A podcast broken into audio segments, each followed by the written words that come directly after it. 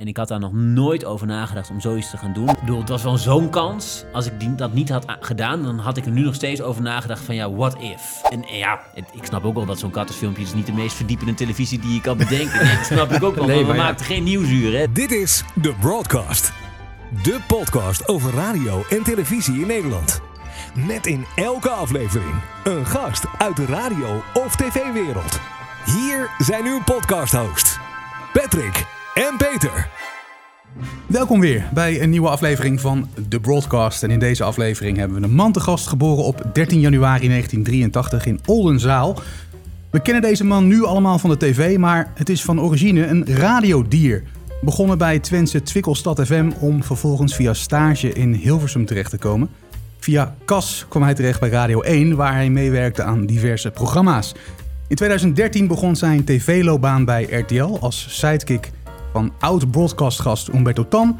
En tot op de dag van vandaag is hij nog steeds te zien bij RTL. Ehm, maar gaan we hem nog een keer terug horen op de radio? Wat heeft hij nog voor ambities voor op tv? Of misschien wel radio, wat ik net zei. En welke tv-presentatoren zijn volgens hem de talenten van dit moment? Nou, dit en meer gaan we vragen aan de man die we misschien inmiddels wel Mr. Boulevard mogen noemen.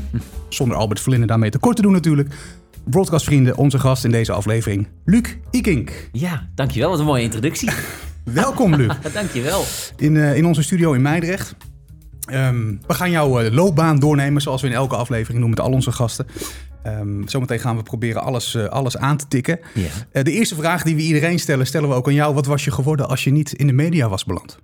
Dan was ik waarschijnlijk de economie ingegaan, maar wel een beetje tegen mijn zin in. Maar ik heb voordat ik journalistiek ging studeren, heb ik eh, een eh, blauwe maandag een paar maanden lang commerciële economie gestudeerd na mijn HAVO in Enschede. En ehm, ja, dat was, dat was ook een beetje gedacht van nou, dan heb, ik, dan heb ik daarna gewoon werk. En dan ga ik gewoon aan de slag. Maar ik kwam er al vrij snel achter dat dat uiteindelijk niks voor mij eh, was. Dus ik ben daarmee gestopt. En dat, dat nou goed, ik, ik, ik, ik, het, het mocht van mijn ouders. die, maar die waren het daarmee eens. Dat vond ik ook wel fijn. En, eh, en toen ben ik journalistiek gaan studeren. Maar ja, ik denk dat ik dan toch de, de, de commerciële economiekant was ingerold. Maar met terugwerkende kracht, als ik nu zou mogen kiezen, zou ik denk ik eerder voor het onderwijs eh, kiezen. Ik vind dat toch wel heel. Ik zie dat nu bij mijn eigen kinderen, die gaan dan naar het basis, eh, basisschool. Ja, dat vind ik dan wel heel moeilijk, lijkt me dat. Maar het lijkt me ook wel heel mooi als je, als je, als je dat kan. Om les Ja. te geven. Ja. Als je ze onder de duim weet te houden. Dan Als je zonder duim weet te houden. is- Ja, precies. Ja. is het eh, denk ik niet heel erg leuk. Nee. Maar goed. Eh, wanneer is het begonnen eh, dat jij dacht van nou, ik wil wel richting radio, tv, die kant op?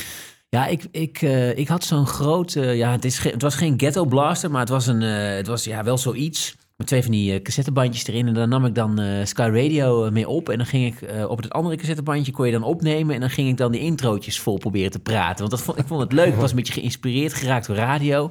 En zo, eh, ja, dat deed ik dan gewoon op mijn kamer. En dan had ik uiteindelijk had ik dus mijn eigen showtje op dat, ene, op dat rechte cassettebandje staan. Ehm, en, en ja, dat vond ik gewoon leuk om te doen. En ik kan me nog herinneren dat ik, eh, dat ik boven op zolder zat. En eh, ik was daar een beetje aan het, eh, aan het eh, achter de computer, een beetje websitejes aan het bouwen. Mijn broer had mij dat geleerd, ik dat met HTML-codes en zo mocht, moest doen. En dat vond, ik, dat vond ik heel leuk, omdat je dan... Ja, weblogs bestonden nog niet, maar ik kon wel iets maken waarmee ik iets kon vertellen. En ik luisterde toen naar Rob Stenders, die had eh, zijn... ehm, het was de, de show na de lunch, eh, had hij, eh, ik weet niet meer precies hoe het heette, maar dat had hij op 3FM. En, en ik weet nog dat hij Khalees draaide met Cough Out There, dat, dat schreeuwliedje. I hate you Ja. so much right now. Ja. En daarna ging, ging hij dat liedje helemaal eh afzeiken in dat programma. Hij vond het vreselijk of hij vond het prachtig. Ik weet eigenlijk niet eens meer wat hij deed, maar hij zei er iets over wat een beetje in contrast was met wat ik had verwacht. Want ik dacht van, oh, daar komt iets en dan, daarna gaat het weer door. En dat vond ik echt zo gaaf. Ik dacht van, oh, hij, is- hij gooit daar gewoon zijn eigen persoonlijkheid in en zo. Nou, zo dacht ik toen natuurlijk niet, maar ik vond het echt mooi. Ik werd er echt door gegrepen. En ik weet zelfs nog het moment, want we gingen s'avonds uit eten in Twente, in een, eh, op een plek waar je dan eh, steaks kon eten en eh, pinda's op de grond mocht gooien en zo, zo'n zo'n steakhouse. En ik was alleen maar aan het nadenken over radio. Ik dacht, moet, ik moet die kant op. De Ja, Stenders wat goed. die heeft je eigenlijk gegrepen. Ja, die heeft me eigenlijk gegrepen inderdaad. En daarna ben ik echt alles gaan luisteren wat los en vast zat. Eh, Giel die begon, een, eh, ja, misschien was het wel weer een jaar of twee of drie later of zo, begon in de nacht. Nou, ik heb dat gewoon echt nachtenlang zitten luisteren. Vreselijk tijdstip ook van eerst van één tot vier. En ja, ook die, die, die, die, die prostituee langskwam, dat heb ik Ja, live ja, ja. gehoord. Ja, legendarisch. Ja, maar dat ja. is echt gewoon... Ik vond het schitterend. Ja, ik was echt fan van Giel. Ik had ook een, een website voor Giel gemaakt. Ja, ja, ja, ja. Zo'n... Shit, dat heb ik nog nooit eerder verteld. Dat wordt wat. Maar goed, dat was zo'n fanpage voor Giel. Ja, ik vond het prachtig allemaal. En toen dacht ik op een gegeven moment... Oké, ik wil hier ook wat, mee, eh, wat meer mee. En, eh, en ja, toen heb ik gezocht in Twente... wat de leukste lokale radiozender was. Waarvan ik dacht, nou, nou dit is de mooiste. En die, eh, die heb ik gebeld. En dat werd Twikkelstad FM. Dat werd Twikkelstad FM, ja. Ja. En er is iemand eh, die wil wat tegen je zeggen. Oh, wel. Dag Luc, Eh, Wim hier van eh Twikkelstad FM. Lang geleden alweer, maar daar heb je toch, eh, nou, toch wel een jaar of acht rondgelopen met de trein vanuit eh Vriezenveen richting Herdeldense. Vaak op zaterdagavond, maar eigenlijk heb je op alle tijdstippen gezeten. En die was altijd bijzonder eh, actief. Ehm, hield je vooral niet aan de playlist. Dat was eh, meest herkenbare. Maar je had het toen al eh, toch wel in je. En eh, vooral de drive om hoger op te komen. Ik weet nog dat je dus eh, in de nacht af en toe richting Hilversum ging. En dan mocht je, ik mee met Sjoerd, eh, oefenen op eh, de Radio 3 tafel. Nou, uiteindelijk is het allemaal goed eh, gekomen. En eh, zit je op een mooie plek, bijna elke avond op de beeldbuis. Moet je bijna elke avond recht eh, in de ogen kijken. Maar dat is eh, meer de verplichting van mijn vrouw dan van mezelf. Hoe dan ook, eh, top. En eh, zet, hem, eh, zet hem op. Ja, leuk. Ja, dit is Wim van Laar. Wim van Laar was de radiobaas van Twikkelstad FM. En ik weet nog dat ik belde met Twikkelstad FM. Toen kreeg ik Sjoerd, eh, een andere Sjoerd dan hij hier aanhaalt. ehm, oh nee, Sander, Sander Leurik. Nou goed, die kreeg ik aan de lijn. En ik vroeg, eh, ja, ik ben op zoek naar Wim van Laar. Want ik had gevonden, of in het krantje of ergens online, had ik gevonden dat hij de baas was. Ik ben op zoek naar Wim van Laar. En ik wist dat hij er was, want hij was te horen op de radio. en toen zei hij, ja, die is er niet. Ik zei, dat kan niet. Eh, ik hoor op de radio. Ik zei, ja, weet jij wat van techniek? Vroeg hij aan mij. Ik ik weet niks van techniek. Dat was allemaal opgenomen en zo. Ja, wist ik veel. Ik had echt geen enkel idee. Maar ik mocht langskomen eh, op eh, 4 mei. Na de dodenherdenking mocht ik daar gaan oefenen bij Twikkelstad FM. En dat waren eh, ja, gewoon, ja, gewoon droog oefenen op zo'n, op zo'n kale radiotafel en, en, en plaatjes draaien. En eh, ja, ik voelde me helemaal het mannetje, terwijl dat werd niet eens uitgezonden. Het werd niet eens opgenomen. Maar ik vond het prachtig. En eh, een vriend van mij ging ook mee, Peter. En ja, die vond het ook wel leuk, maar die had iets minder die ambitie om daar iets meer mee te doen. Maar ik wist wel van ja, dit is wel echt gewoon het meest fantastische dat ik ooit had gedaan. En ja, het was heel stom. Het was gewoon lokale radio. Wat leuk. En in het achterhoofd dan Giel en, eh, en Rob wat zij deden? Of was het meteen al een beetje dat je een eigen stijltje of zo creëerde? Nou, ik begon met, eh, met eh, ik mocht op een gegeven moment had ik die tafel onder de knie en toen mocht ik het sportprogramma Ja. mocht ik schuiven, dus alleen maar de techniek doen. Op maandagavond. En dan ging ik inderdaad altijd met de trein van Frieseveen naar Delden toe. En dat was dan een uur en een kwartier met de trein heen. Uurtje uitzending, uur en een kwartier met de trein weer terug. En dan elke maandagavond. En eh, er kwamen altijd de korfbaldames langs. Dat was eigenlijk vaste prik. en op een gegeven moment was die man, die ging met vakantie. Of die, de sportseizoen was afgelopen. En toen mocht ik dat, dat uurtje gaan vullen. Oh ja. En ehm, eh, nou, daar had ik mijn eigen programma bij bedacht. En ja, ik heb denk ik elke DJ eh, die er is, die toen echt hip was, heb ik na proberen te doen. ik deed eh, Giel na, na en eh, Mark van der Akker. Ik weet niet of jullie die Ja, zeker. Ja. Mark in de Dam. Ja. Mark in de Van Dam. 538, ja. Ook, ja. Ja, dat, was wat, dat vond ik ook schitterend. Maar dat, ja, dat is natuurlijk een stijl, die kan je, dat Ja. kan je helemaal niet nadoen. Nee, nee, nee, nee. Dat slaat helemaal nergens op. Maar, want het is zo'n specifieke talkradio Ja. bijna haast dat hij maakte. Maar dat, dat ging ik nadoen. En eh, Van Enkel ging ik op een gegeven moment nadoen. Aan van, ja, wat helemaal niet bij me paste. Maar zo goed, hè? Als je, Nee, zeker, ja, want dan, dan, zo Ja. leer je je eigen Ja. stijl eh, kennen. Ja. En op een gegeven moment begon het ook te kriebelen dat je dacht van nou, ik wil eigenlijk wel verder, ik wil landelijk. Ben je demo's gaan sturen bijvoorbeeld? Ja, ik heb ooit. eh, ik begon met mijn demo sturen naar eh, Kink FM. Want ik dacht dat klopt lekker met mijn achternaam. Dat, eh, de- daar stuur ik een leuk briefje bij. die lul ik wel om. Maar daar heb ik nooit iets van gehoord. Oh, echt? En, en op een gegeven moment stuurde ik. ik heb. Ik heb ben, volgens mij was het Jorin al toen, of Veronica. En eh, nou, nog een paar zenders. Maar ik, 3FM eh, stond daar uiteraard het meest voor open. Die waren daar toen al heel erg mee bezig met het opleidingstraject. En daar kreeg ik een, eh, een belletje van, van Iwan Reuvenkamp. Die, daar was daar de opleidingscoördinator. En, en toen mocht ik langskomen samen met, met Sjoerd, dus die Wim van La aanhaalde. Dat was Sjoerd Bleumink, die, die was ook, ook net zo radiofanaat als ik. En die had er ook eentje opgenomen, ook van Twikkelstad. Dus we gingen samen met elkaar in de auto op zaterdag daar naartoe. En op zaterdag stonden ze bij eh, 3FM niet vanuit de studio uit, maar eh, had de Tros een, eh, een, een andere locatie. Dus mochten wij in de 3FM-studio, die oude studio, mochten we daar Cool.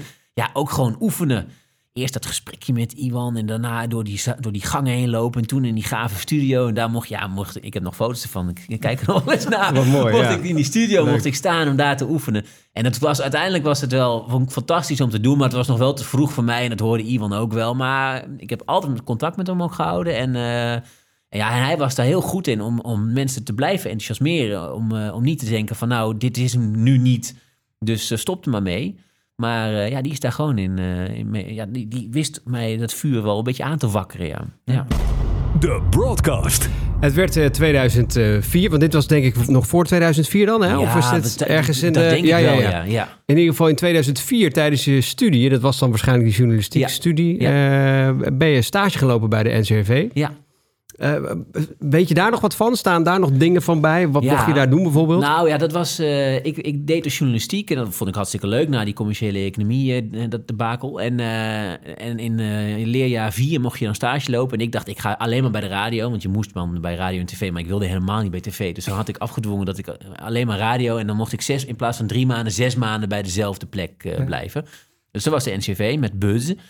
Mark de Hond presenteerde dat. En dat was een soort. eh, het was een programma. Voor, de doelgroep was scholieren. Beetje vreemde eend in de bijt bij 3FM toen al. En, ehm, maar dat was op zondagavond. Dus we waren de hele week met een gigantisch team bezig om dat programma te maken. Dat kon toen nog bij publieke omroep. Allemaal vergaderingen. Ja. En, eh, maar goed, je leert veel mensen kennen. Dat was Ja. heel leuk. En er waren ook heel veel kansen. Mocht toen al een beetje podcast ook maken. Maar daarvoor, ja, gewoon echt gewoon... Maak maar eens een keer een itempje. eh, neem maar eens een keer wat op. Maak maar eens een keer een reportagetje. En, eh, en, maar het allermooiste vond ik eh, om op zondagavond eh, in de studio te zijn. Ik hoefde eigenlijk helemaal niet bij te zijn, maar ik was er altijd bij. En dan ging ik ook weer met de trein om dan de hele zondag daar rond te hangen. En dan lekker in de studio staan. En dan, ja, dat was, was echt... voor mij was het al geslaagd eigenlijk. Want ik mocht daar gewoon tijdens die uitzending in de studio staan. En dan eh, vervolgens terug naar huis en een woppertje halen. En eh, ja, had ik een hele leuke dag. En zo leerde je een beetje die, die, die echte kneepjes van het vak eigenlijk. Ja, want Mark was echt een hele goede radiomaker. En, ehm, eh, en die was echt eh, die was heel kritisch ook op, eh, op wat hij eh, uitzond. En dat moest echt goed zijn. En die kon daar echt, eh, die zat er bovenop. En ik, ik heb hem altijd een heel getalenteerde radiomaker gevonden. Hij is inmiddels overleden. Ja. Maar eh, ja, dat vond ik wel, eh, daar heb ik wel veel van geleerd. Ja, ook in, met- met teksten en met, met voorbereiding en zorgen dat het goed is. Hè. Niet, eh, niet de kantjes ervan aflopen. Nee, echt gewoon, het moet goed zijn, want anders kan het niet uitgezonden worden. Dus dat, ja, dat, dat, dat leer je dan, hè. Was dat dan ook een kleine stap naar Cas uiteindelijk? Want dat, eh, Ja. dat werd- werd 2006 en Mark, eh, Mark de Hond die stapte eigenlijk over naar. Of Ja. die ging in ieder geval daar aan de slag. Ja, klopt. En ja. eh, jij ging met hem mee dan? Ja, dat klopt. Ik ben nog een, paar maanden blijven plakken bij de NCV. En uiteindelijk belde, eh, belde Mark op dat het toen met zijn huidige producer niet helemaal... dat, dat was, of die ging weg, ik weet niet, die had hij niet meer. Of ik dan wilde, wilde solliciteren. En eh, nou, toen mocht ik eh, Robert Veller eh, bellen. Die was daar toen de baas. Ja. En, ehm, en eh, ja, kreeg ik mijn eerste contractje. Want daarvoor was het nog stage en een soort nul-uren contract bij de NCV. En toen werd, ik, werd ik daar zijn producer en hadden we vanuit die, die- de, de, het pand waar nu SBS zit. Ja. Dat is een heel mooi pand eigenlijk aan, of nou het pand zelf, maar de, het uitzicht is schitterend op verdieping 7. Daar hadden ze dan een studio gebouwd ehm, eh, bij SBS.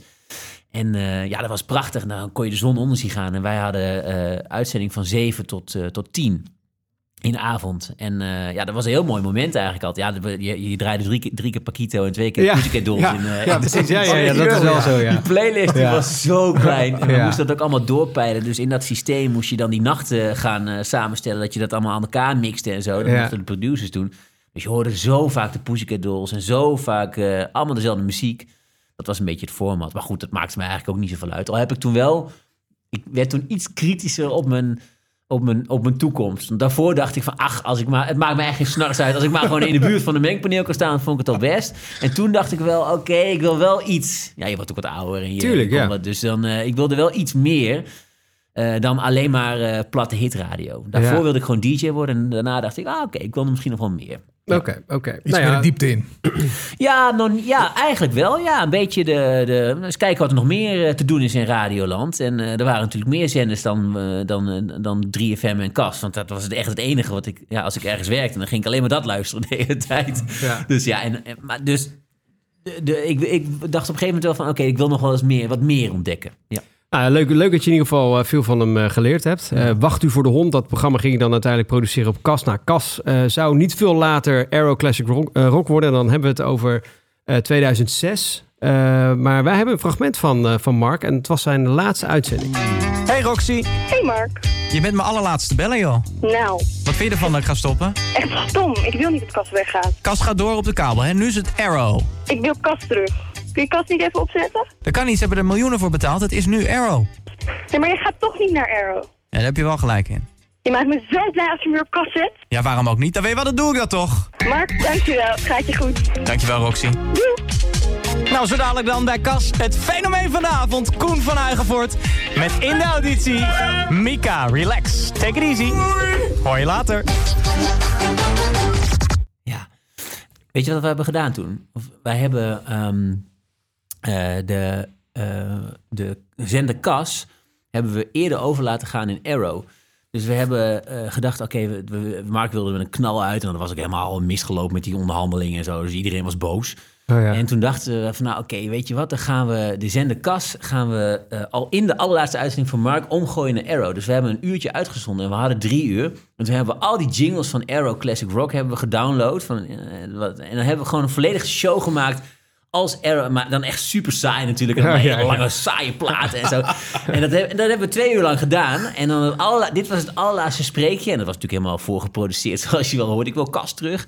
En toen kwam eh, Koen van Huigen voor. Toen was Kas weer geopend eigenlijk. Maar die laatste show van Mark is dus gewoon, een, eh, ja, is gewoon op, op Arrow- Classic Rock eh, geweest. Nou, ze waren boos. Ze waren echt, ik denk dat het wel mee geholpen in dat ik geen contractverlenging kreeg. maar het was wel een leuke stunt. Maar het was, ze waren echt heel boos. Even geen Paquito in ieder geval. Even geen? Paquito, nee, nee. Led Zeppelin. Wat goed. Ja, nou, je hebt inderdaad even gewerkt met Mark. Je vertelde net wel even wat je een hoop van hem hebt geleerd. Inderdaad, overleden in eh, 2000, eh, 2020. Eh, maar nou ja, in ieder geval een korte mooie tijd met hem, eh, met hem gehad. Ja, dat is wel, absoluut, eh, wel erg leuk. Eh, uiteindelijk werd het augustus 2007. Eh, je start eh, een eh, nieuwe uitdaging. Ik ging werken voor BNN als redacteur, producer, regisseur van het reisprogramma Weg met BNN. Eh, toen ging je eigenlijk iets meer dat minder hitradio en iets meer de serieuze kant op. Was dat een beetje de start daarvan? Of? Mm, Ja, dat was daar wel een beetje. Dat kwam eh, toevallig, want eh, ja, zoals, je hebt op een gegeven moment dan werk nodig, Ja. want de kas houdt op. Maar ik was blij dat ik hier eh, terecht eh, kon. Ik weet niet eens meer hoe dat nou precies tot mij was gekomen, maar ik mocht daarop solliciteren en ik werd het. En, eh, en dat was met, eh, met Sander de Heer. Die presenteerde Ja. dat programma nog voordat hij eh, zijn eh, ochtendshow deed, zou gaan doen op Radio 2. En ehm, ja, dat was gewoon een reisprogramma op Radio 1. Dus dat was een uur lang, eh, lange eh, eh, uitzending op maandagavond. En dat werd dan gewoon voorbereid. Dat had ik vier dagen in de week kon ik dat voorbereiden. Eén dag uitzending of drie dagen dus voorbereiding. En ja, dan waren gewoon inhoudelijke gesprekken met mensen uit de reisbranche, de ANVR, eh, maar ook backpackers. Dat was, was natuurlijk wel BNN, moest wel een beetje hip blijven. Ehm, en dat was, dat was, en ik mocht regie doen bij Radio 1 in, Ja. die, in die, die studio. Dus dat werd, ja, zo werd ik toch een beetje de wat meer serieuzere kant in, eh in gesleurd. En dat, dat kasavontuur, dat was eigenlijk zo'n cha- chaos eigenlijk gewoon hoe dat ging. In één jaar tijd een zender opzetten en daarna ook weer op de fles. Dat was wel een beetje apart. En dit was eigenlijk een wat kalmere, los van dat het BNN was, maar de, bij Radio 1 was het een wat kalmere eh, omgeving waar wat meer over na werd gedacht over de toekomst.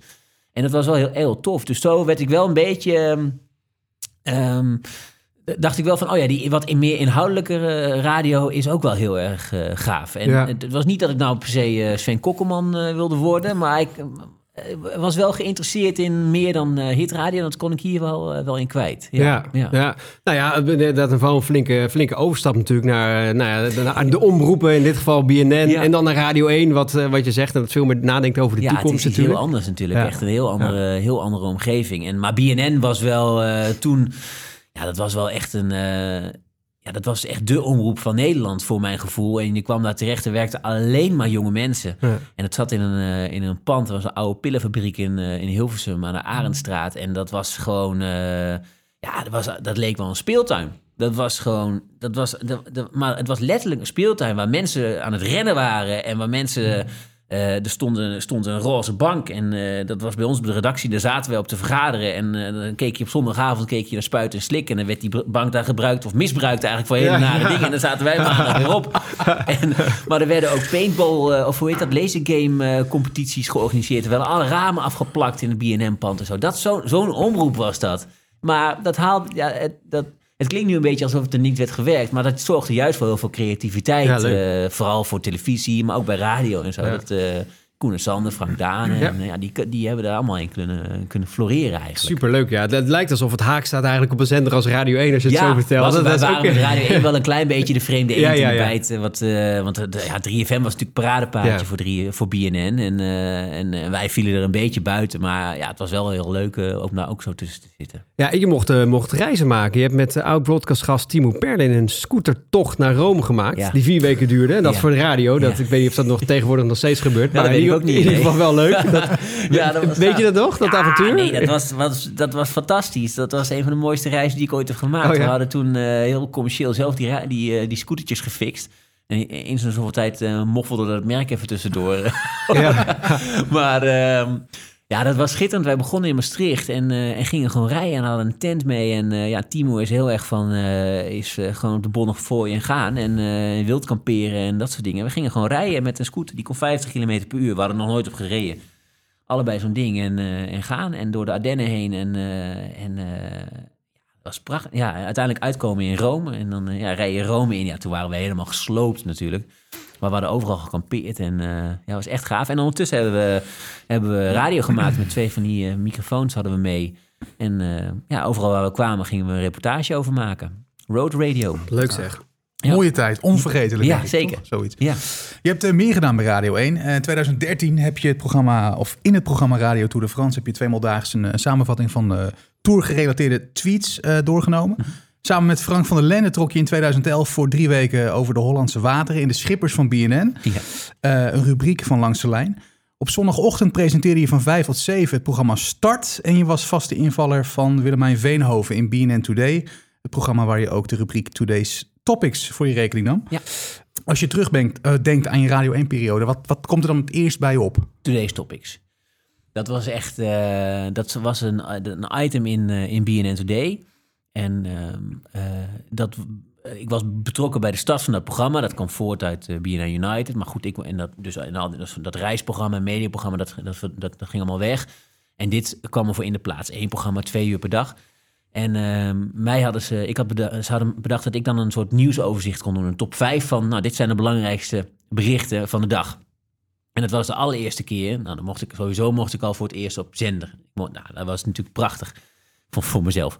ik weet niet luisteraar er wat aan had, maar ik vond het heel mooi. En, ehm, eh, en dat was dan gewoon een top 5. En dan hadden we bedacht, dan kijken we naar de cijfers van eh, nos.nl. En dan eh, hoeveel hits erop komen. Nou, dat is dan je top 5 klaar. Maar dat werd een beetje saai. Want dat waren natuurlijk altijd berichten over de oorlog en weet ik veel wat. En dat ja, moest dan met je uitschrijven en voorlezen en een fragmentje erbij. Dat werd een beetje een saai blokje. Dus toen eh, dacht, eh, op een gegeven moment ontstond dan dat er ook wel, een, lachje in mocht. En dat heeft, ja, de, de, de jaren daarna, ik heb het vijf jaar gedaan, eh, is dat geëvolueerd tot een soort, soort mini-radiocolumn waarin de gekste regionale berichten zaten. En, en, eh, en fragmenten. En ik kon naar fragmenten toepraten. En ik trok ze uit de context. En het sloeg allemaal nergens meer op. En het was eigenlijk een soort, eh, soort mini-kolompje waar ik echt... Ja, ik kon daar echt ontzettend veel in kwijt van eh, wat ik leuk vond om te maken. Ik ontdekte toen ook dat ik het heel fijn vond dat het heel afgekaderd vijf minuten per dag was. Ik dacht ineens, ik hoef eigenlijk helemaal niet meer een heel programma te hebben. Ik kan hier, boem, alles in kwijt. Gewoon die vijf minuutjes per Ja. dag. En Willemijn Veenhoven presenteerde dat programma. Dat was... ja, ik, de- ik had daar een hele goede klik mee. Zij moesten echt letterlijk om alles lachen wat ik deed. Nou, dat is natuurlijk heel prettig altijd als iemand, eh, Ja. als iemand dat doet. Want dan ga je... En ze had ook een heel aanstekelijke lach. Dus de- ik denk dat de luisteraar ook vaak meeging. Dus dat, ja, ik vond dat, dat was echt eh, vond ik heel leuk om te maken. Ja. Van welke collega's heb je het meest geleerd daar? Bij Radio 1? Ja? Ehm, ja, ik heb van Timur heel veel geleerd. eh, in, in, in wat vrij en onbevangen radio maken. Ik heb denk ik, eh, ik kon een beetje meegluren met Koen en Sander. Van Koen Zwijnenberg is, eh, ja, dat vond ik heel, eh, dat was, ja, dit is gewoon een hele goede, strakke radiomaker is dat. En dat was heel tof om te zien. En sowieso die redactie, hoe dat opereerde daar. Ja, dat kun je niet echt bedenken. Dat moet een beetje ontstaan. Hè. Vier van die gasten en nog twee producers erbij. En die zitten de hele dag te keten. En aan het einde van de dag hebben ze een fantastisch radioprogramma. Dat is wel, dat is wel apart om te zien eigenlijk. Sander de Heer heb ik veel van geleerd. Want die, ja, die is ook, was ook heel kritisch en, eh, wat, wat die uitzond. En heel, eh, dat moest ook allemaal goed zijn. moest allemaal gecheckt zijn en zo. En eh, ja, dat zijn wel... eh, maar ja, la- ja, eigenlijk van zoveel mensen eigenlijk. En eh, ja, ook van, van jongens van, van eh, langs de lijn en zo. Ja, dat heeft, heeft heel veel mensen. Je komt heel veel leuke mensen tegen als je daar eenmaal Je ziet. neemt het allemaal weer mee uiteindelijk. Ja, datgene ja. wat je nu doet Ja, absoluut. Ja. Heb je in die tijd nooit heimwee gehad naar toch wel dat hitradioformat en dat je dacht van ik wil eigenlijk stiekem toch een beetje toch weer die kant van 3FM op? Ja, ja, 3FM wilde ik wel op. Dat had ik wel eh, leuk gevonden. Dat was, was eh, ja, toen, toen natuurlijk echt eh, een booming zender. En dat vond ik wel echt een hele... dat, was, dat had ik wel leuk gevonden, ja. Echt het echte hitradio, dat had ik wel een beetje achter me gelaten. Ja. Dus dat, dat, maar dat was wel... Dat kwam ook een beetje door Cas. hoor. Die, ehm, dat, dat was zo platte hitradio. Daar moet je wel voor gebouwd zijn, denk ik, om dat eh, te kunnen maken ook. Dat is ja. het verkeerde voorbeeld misschien of zo. Ja, denk ik, ja. Want ik denk als ik nu naar Q eh, kijk, wat in principe ook gewoon hitradio is, ja, dat is natuurlijk wel weer heel anders. Maar goed, we zijn tuurlijk. alweer twintig jaar verder bij. Nou, wat is, nou, gelukkig niet zo. Maar wel, dus dat is alweer een heel andere, heel andere manier van maken. Maar 3FM had me nog wel leuk geleken, ja. Maar ja, ik snap ook wel dat, eh, dat daar ook weer andere mensen waren die zich misschien in die jaren meer hadden doorontwikkeld tot DJ. En ik had me eigenlijk meer doorontwikkeld tot sidekick. Dat is dan een ander ambacht eigenlijk. Ja. Maar nooit echt een kans gehad dus om daar eh, echt iets te gaan verder. Nee, nee, nee, dat Nee. niet. Nee. Maar goed, dan eh, eh, eh, wil ik meteen aan toevoegen dat ik echt bij BNN echt zo ontzettend veel kansen heb gehad. Ja, ja, ja, dat ik wel begrijp dat ze me niet. Ja, dat snap ik wel. Ja. Ja. Ja. Toen werd het augustus 2013 en je ruilde radio in voor tv. Je begon je nieuwe avontuur bij RTL Late Night, waardoor je stopte bij BNN Today. En dat nieuws, eh, dat bracht je zelf. Nou, Luc. Zo, Ja, kom er maar mee. Ik ga weg bij BNN Today. Ja. Ja. En eh, dat is al best snel ook, want eh, vrijdag is mijn laatste aflevering van BNN Today. Nee. En waarom zeg je dat zo vrolijk? Ik zeg het eh, vrolijk omdat ik, ook wel, eh, omdat ik ook wel iets heel tofs ga doen. Ik ga meewerken aan het programma RTL Late Night. Humberto Tan gaat dat presenteren en ik ga hem daar eh, een beetje bij helpen. Zoiets, zou je het kunnen zeggen. En ehm, eh, ik, ik mag een beetje, ik mag een beetje mijn, mijn blik geven op het nieuws in de uitzending. En eh, nou, eh, dat, eh, dat ga ik doen. Ik, vind het, ik weet het natuurlijk al lang en ik vind het, ik vind het fantastisch. En Ja. ik weet zeker dat je het fantastisch Ja. gaat doen. En dit, dit is wat je kan. Dit heb je hier gedaan, dat ga je daar doen. Ja, nou ja, het is... maar ik het vind is, het wel ja, heel erg verschrikkelijk. ja, ja, ik, echt zie, heel ik, zie, je- ik zie je bijna aan het van nou, eh, ik, doen. ik vind het echt heel erg. Nee, Ja. hoor, helemaal niet. ja, nee, ik vind het heel jammer. Ik vind het jammer om weg te gaan, maar ik vind het ook heel leuk om iets nieuws te doen. Dus het is een ik. beetje dubbel, eh, dat dubbele gevoel waar mensen die twee kanten, die twee, die, die, meda- die, zijden die van twee de zijden van de medaille. die heb ik nu heel erg ineens. Eh, dat ik denk van, nou ja, het is jammer om weg te gaan bij BNN Today, maar het is ook wel een mooi moment, want ik heb het nu eh, vijf jaar gedaan. We bestaan eh, met BNN Today ook bijna vijf jaar en eh, nou, dan is dit is wel een mooi moment om, eh, om dan iets nieuws te gaan doen. Ze vonden het niet leuk volgens mij. Nee, ja, ik hoor het. Ik heb dit, denk ik nog, volgens mij heb ik nog nooit teruggeluisterd. Maar eh, ik hoor haar. eh, zij reageert eigenlijk gewoon eh, wel een beetje wat het gevoel moest zijn. Want we hebben zo vijf jaar lang zo fantastisch samengewerkt. En ik hoor mezelf hier heel erg in de, in de up zitten van holy moly, wat gaat me overkomen de komende periode. Dus, nou goed, ik neem mezelf niet kwalijk. Maar, maar ik hoor, ja, ik de, met later, ehm, in de, de, de periode voordat we begonnen en na afloop van het programma, zat ik, ja, had ik eigenlijk dat gevoel ook wel wat zij had van eh, dat het eigenlijk ook wel heel erg jammer was. Maar ja, ik, sta er 100, ik stond erachter en ik sta er nog steeds 100% achter. Op een gegeven moment moet je een keer wat anders doen. Maar eh, ja, het was zo'n mooie tijd daar bij Radio 1. En, eh, en eh, ik heb daar zo van genoten. En zij ook. Ik sprak er toevallig, wat was het, denk ik, twee, drie, vier maandjes geleden ongeveer. Toen hadden we het hier nog even. Daar kwam het gesprek hier weer op van hoe leuk dat was. Dan zitten we lekker te keuvelen over hoe leuk het voor ons was. Ja, ja, ja, ja, eigenlijk. ja, ja, ja. Maar ook, ja, ik denk ook, ja, ik hoop ook voor de luisteraar dat we, dat we ook daar de- niet de luisteraar bij vergeten waren. En ehm, eh, ja, dat was gewoon een mooie, dat was gewoon een mooie plek. Maar ja, dat was 2013 en ik, eh, eh, ik had een vast contract bij, eh, bij BNN. Maar goed, ik kreeg een ander aanbod en, Ja. en ik had daar nog nooit over nagedacht om zoiets te gaan doen. Maar ik had ook wel in mijn hoofd op een gegeven moment... Oké, als ik het niet doe, dan blijf ik kennelijk de rest van mijn leven bij BNN werken. Nou, een beetje gechargeerd, maar ik bedoel, het was wel zo'n kans. Als ik die, dat niet had gedaan, dan had ik er nu nog steeds over nagedacht van ja, what if? Dus toen dacht ik, oké, dan moet ik het maar doen. Ja, een, fl- een flinke kans. eh, en misschien inderdaad wel een beetje het einde van een soort tijdperk. Hè? Want je ging natuurlijk uiteindelijk naar tv. We gaan Ja. het zo meteen hebben over RTL Late Night. En natuurlijk je RTL 4-periode. maar eerst nog iets anders wat eigenlijk in dezelfde periode een beetje gebeurde. Of het was in ieder geval 2012. Je, won- je won namelijk een prijs. En dat was niet zomaar een prijs. De Broadcast Podcast. De winnaar van de Philip Bloemendaalprijs 2012 is geworden.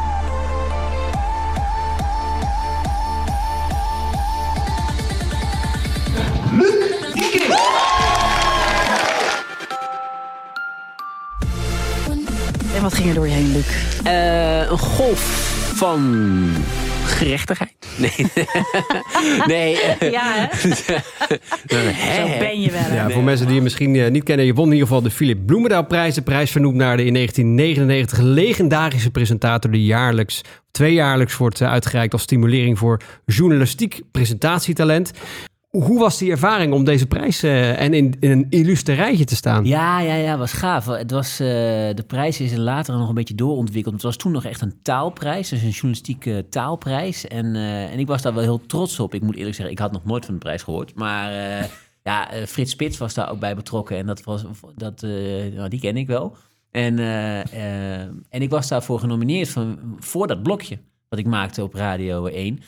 En, eh, want daar vonden ze dan leuke taalfondsen in zitten en creatief taalgebruik en zo. Ja, en ik las dat rapport. Ik dacht, potverdorie, daar ben ik wel heel trots op eigenlijk. Ja. Ja, en eh, eh, ja, ik was daar, ja, ik was daar gewoon echt wel blij mee. Ik bedoel, je gaat niet het werk in om prijzen te winnen. Maar eh, ja, ik vond dit wel een hele mooie, hele mooie eh, waardering eigenlijk eh, die Nou je ja, krijgt. Ja. En terecht natuurlijk, toch? Want, eh, ja, ik zei het al, golf van gerechtigheid. Ja, precies. Ja, nee, ja exact. exact ja. heeft, het, heeft het voor jou ook nog, nog deuren geopend of zo? Of hoe, de- naar, naar een RTL of, of dingen die Nou, je... dat, dat, eh, de, die, de prijs denk ik niet per se. Dat blokje op Radio 1 natuurlijk wel. Want dat is eigenlijk wat ik, wat ik op tv ging doen bij eh, RTL. ja, vloeide voort uit wat ik deed eh, op Radio 1. Ehm, eh, want eh, eh, Albert, ze, waren bezig met een soort brainstorm voor een nieuwe talkshow. Er was toen nog geen talkshow. Ehm, eh, op RTL althans. En want Barend van Dorp wa- was al lang geleden verdwenen. En Albert Verlinde zat altijd in zijn auto naar Maastricht. Nu moet ik zeggen dat dit verhaal wat ik nu ga vertellen... ben- met elk jaar mooier wordt. Maar goed, eh, hij, zat, hij zat in zijn vrachtwagen naar Ja, Maastricht. ja, ja, en hij luisterde naar Radio 1. Maar hij luisterde vaak naar dat blokje. Dus die heeft mijn naam daar ooit een keertje geopperd in, dat, eh, in die brainstorm. En ehm, ja, toen zijn ze wonderbaarlijk genoeg... eh, kreeg ik toen... ehm, ik weet op dat moment was ik bij BNN. Ik wilde net even een dingetje gaan opnemen in de backup studio van BNN. En toen belde dus, ja, de, de, wat later bleek de hoofdredacteur van dat nieuwe programma. Met een soort cryptisch bericht over een programma. Met, weet ik, met een presentator, mocht nog niks weten. Of ik een keertje langs wilde komen bij Blue Circle, de productiemaatschappij. Nou, dat heb ik toen gedaan. En toen is het balletje gaan rollen. Ja, en, eh, en zo geschieden uiteindelijk, kunnen we wel bijna zeggen inderdaad. En over kapsels gesproken, eh, een klein quizje voor jou, Humberto. Doe even mee. Welke van deze vier kapsels heeft George niet gehad? Is dat min. eh, eh, kapsel A, Ja. kapsel B, kapsel C of kapsel D? All three. Oh, all of them? You had all of them? All really? three. Yeah. The, the blonde one as well? Yeah. Really? Yeah. All three. Oh my god. Oké, oké. Het, All goeie- four. het goede antwoord is kapsel B, want dat was namelijk een kapsel van Brad Pitt. Kijk, daar is hij. Oh. Which ja. one isn't me? Oh, oh. Ah. no, I see. Ja, de rest zijn inderdaad wel allemaal haarstijlen die George heeft gehad. Eh, hier bijvoorbeeld rechts, eh, uit zijn tijd toen hij nog programmeur bij Microsoft was. Is that you? Okay, first of all, fucker, I'm gonna get some pictures of you. It's a great job. Because I know Oh, wow. I'm gonna go online. I'm going online. I'm gonna find some shots of him. like, oh, what is this? Well, I- well, actually, he looks like you in the right picture. It's true. yeah, wait a minute. That's not me. no. Dan, eh, deze week stond in het teken van eh, leugens. Was namelijk uh, Tell a Lie Day. En op die dag mocht je onbeperkt leugens vertellen. Eh, maar wij dachten, ja, kunnen we eigenlijk wel leugens vertellen? Zijn we daar wel goed in? Zijn we de straat op gegaan op zoek naar sterke verhalen? Vragen jullie zo meteen is, is het een echt verhaal of een nep verhaal? Dus of een leugen. Dit is verhaal 1. Ik, ik moest een keer op school en was een tentamen. En ik had niet geleerd. Dus ik had gezegd dat ik mijn been had gebroken. Dus die ochtend ging ik alles rustig doen. En toen ging ik van de trap af en toen brook ik echt mijn been daarna. ja, dat kan ik ook Hij brook dus zijn been. maar ehm, is het een echt verhaal? Giel, wat denk jij? Mm, ik denk het niet. Niet? Of dat zou een echt verhaal kunnen zijn, maar hij lacht een beetje zo dat ik denk, nee, nee. Ah, Oké, oké, we gaan kijken. Dit was een leugen. Dankjewel. Ja, een leugen uiteindelijk. Ik heb er nog eentje. Luister mee, dit is echt een krankzinnig verhaal. Nou, ik was ooit in België op vakantie. En ehm daar was ik met een vriendinnetje van mij. En toen had ik de kriek ontdekt, het Belgisch bier, het kersenbier. Dus dat was ik echt gewoon nou ja, helemaal wappie. Ik zou terug naar huis fietsen en dat werd hem niet.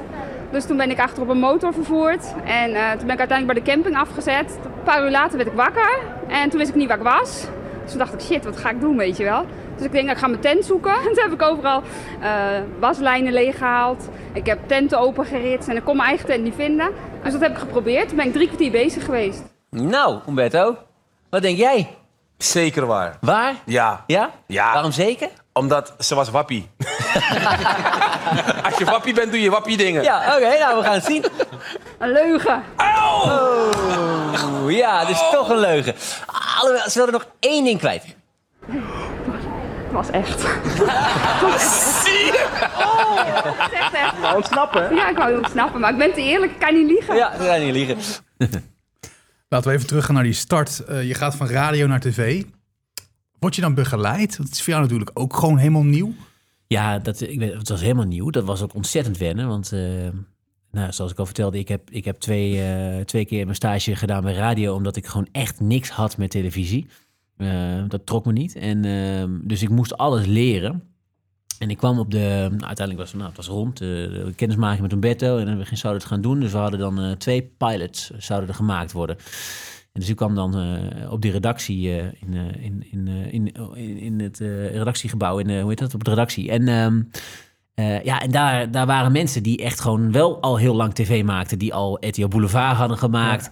Of nog steeds maakten. En bij andere talkshows hadden gewerkt. Bij Pauw en Witteman. En die hadden allemaal heel veel ervaring. Maar ook van achter de schermen. En ik moest echt letterlijk alles leren. Eh, en dat is dan heel stom, maar je denkt ook helemaal niet na over hoe tv wordt gemaakt als je alleen maar radio hebt gemaakt. Dus mijn allereerste eh, de pilot die we gingen maken, was nog een kleine deskje en toen zou Umberto nog bij me komen, komen staan.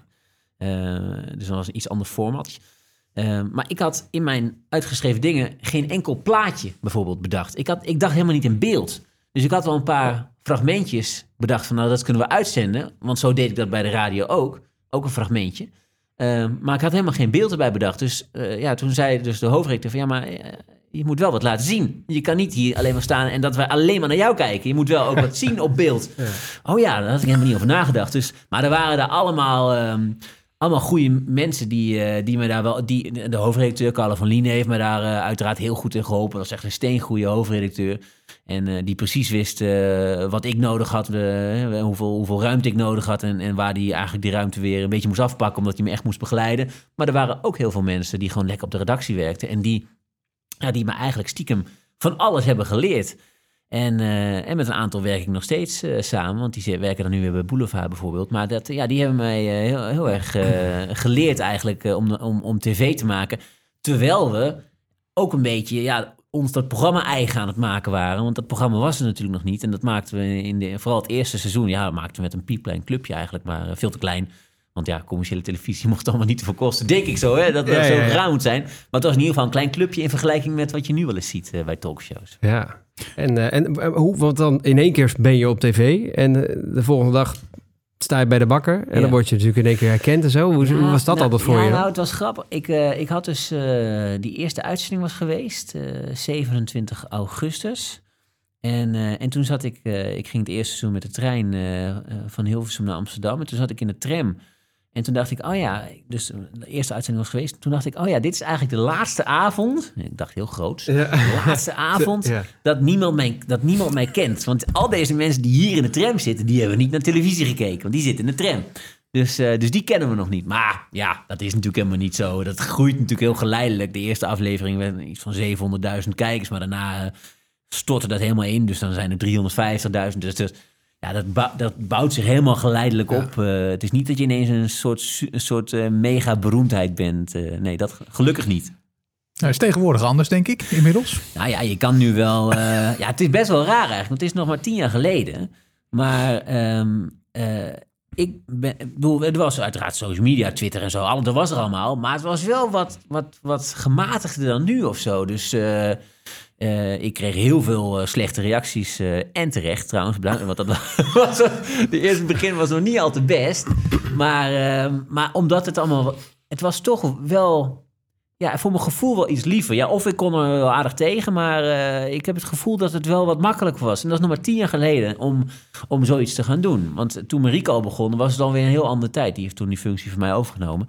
Het was al een heel ander, heel ander moment weer. En, en, en nu helemaal, als je nu zou beginnen, jong, of nou jong, ja, 30, maar eh, geen ervaring je wordt ineens op tv gegooid. Ja, ik denk dat de kans dat je, dat je kopie er digitaal afgaat vrij groot is. Ja, Ja, dus dat, dat- gebeurde ja, dat- bij mij nog niet helemaal. Nee, precies, precies. Dat is natuurlijk wel... Die, die tijden zijn wel een beetje veranderd. dat is misschien ook wel, toch? In tien jaar tijd is dat, is dat echt wel echt veranderd inderdaad, ja. Ja. terwijl je toen, je had toen natuurlijk ook wel de Twitters en de social media en zo. Alleen de, het sentiment of zo tegenwoordig Ja, en is natuurlijk wat was Twitter, negatiever. Twitter was ook al ver- vervelend medium aan het worden soms. Eh, eh, maar ja, het was toch anders eh, voor mijn gevoel. Ja, ja. Je zei net zelf, eh Marike heeft je overgenomen. Hoe heb je daarna gekeken?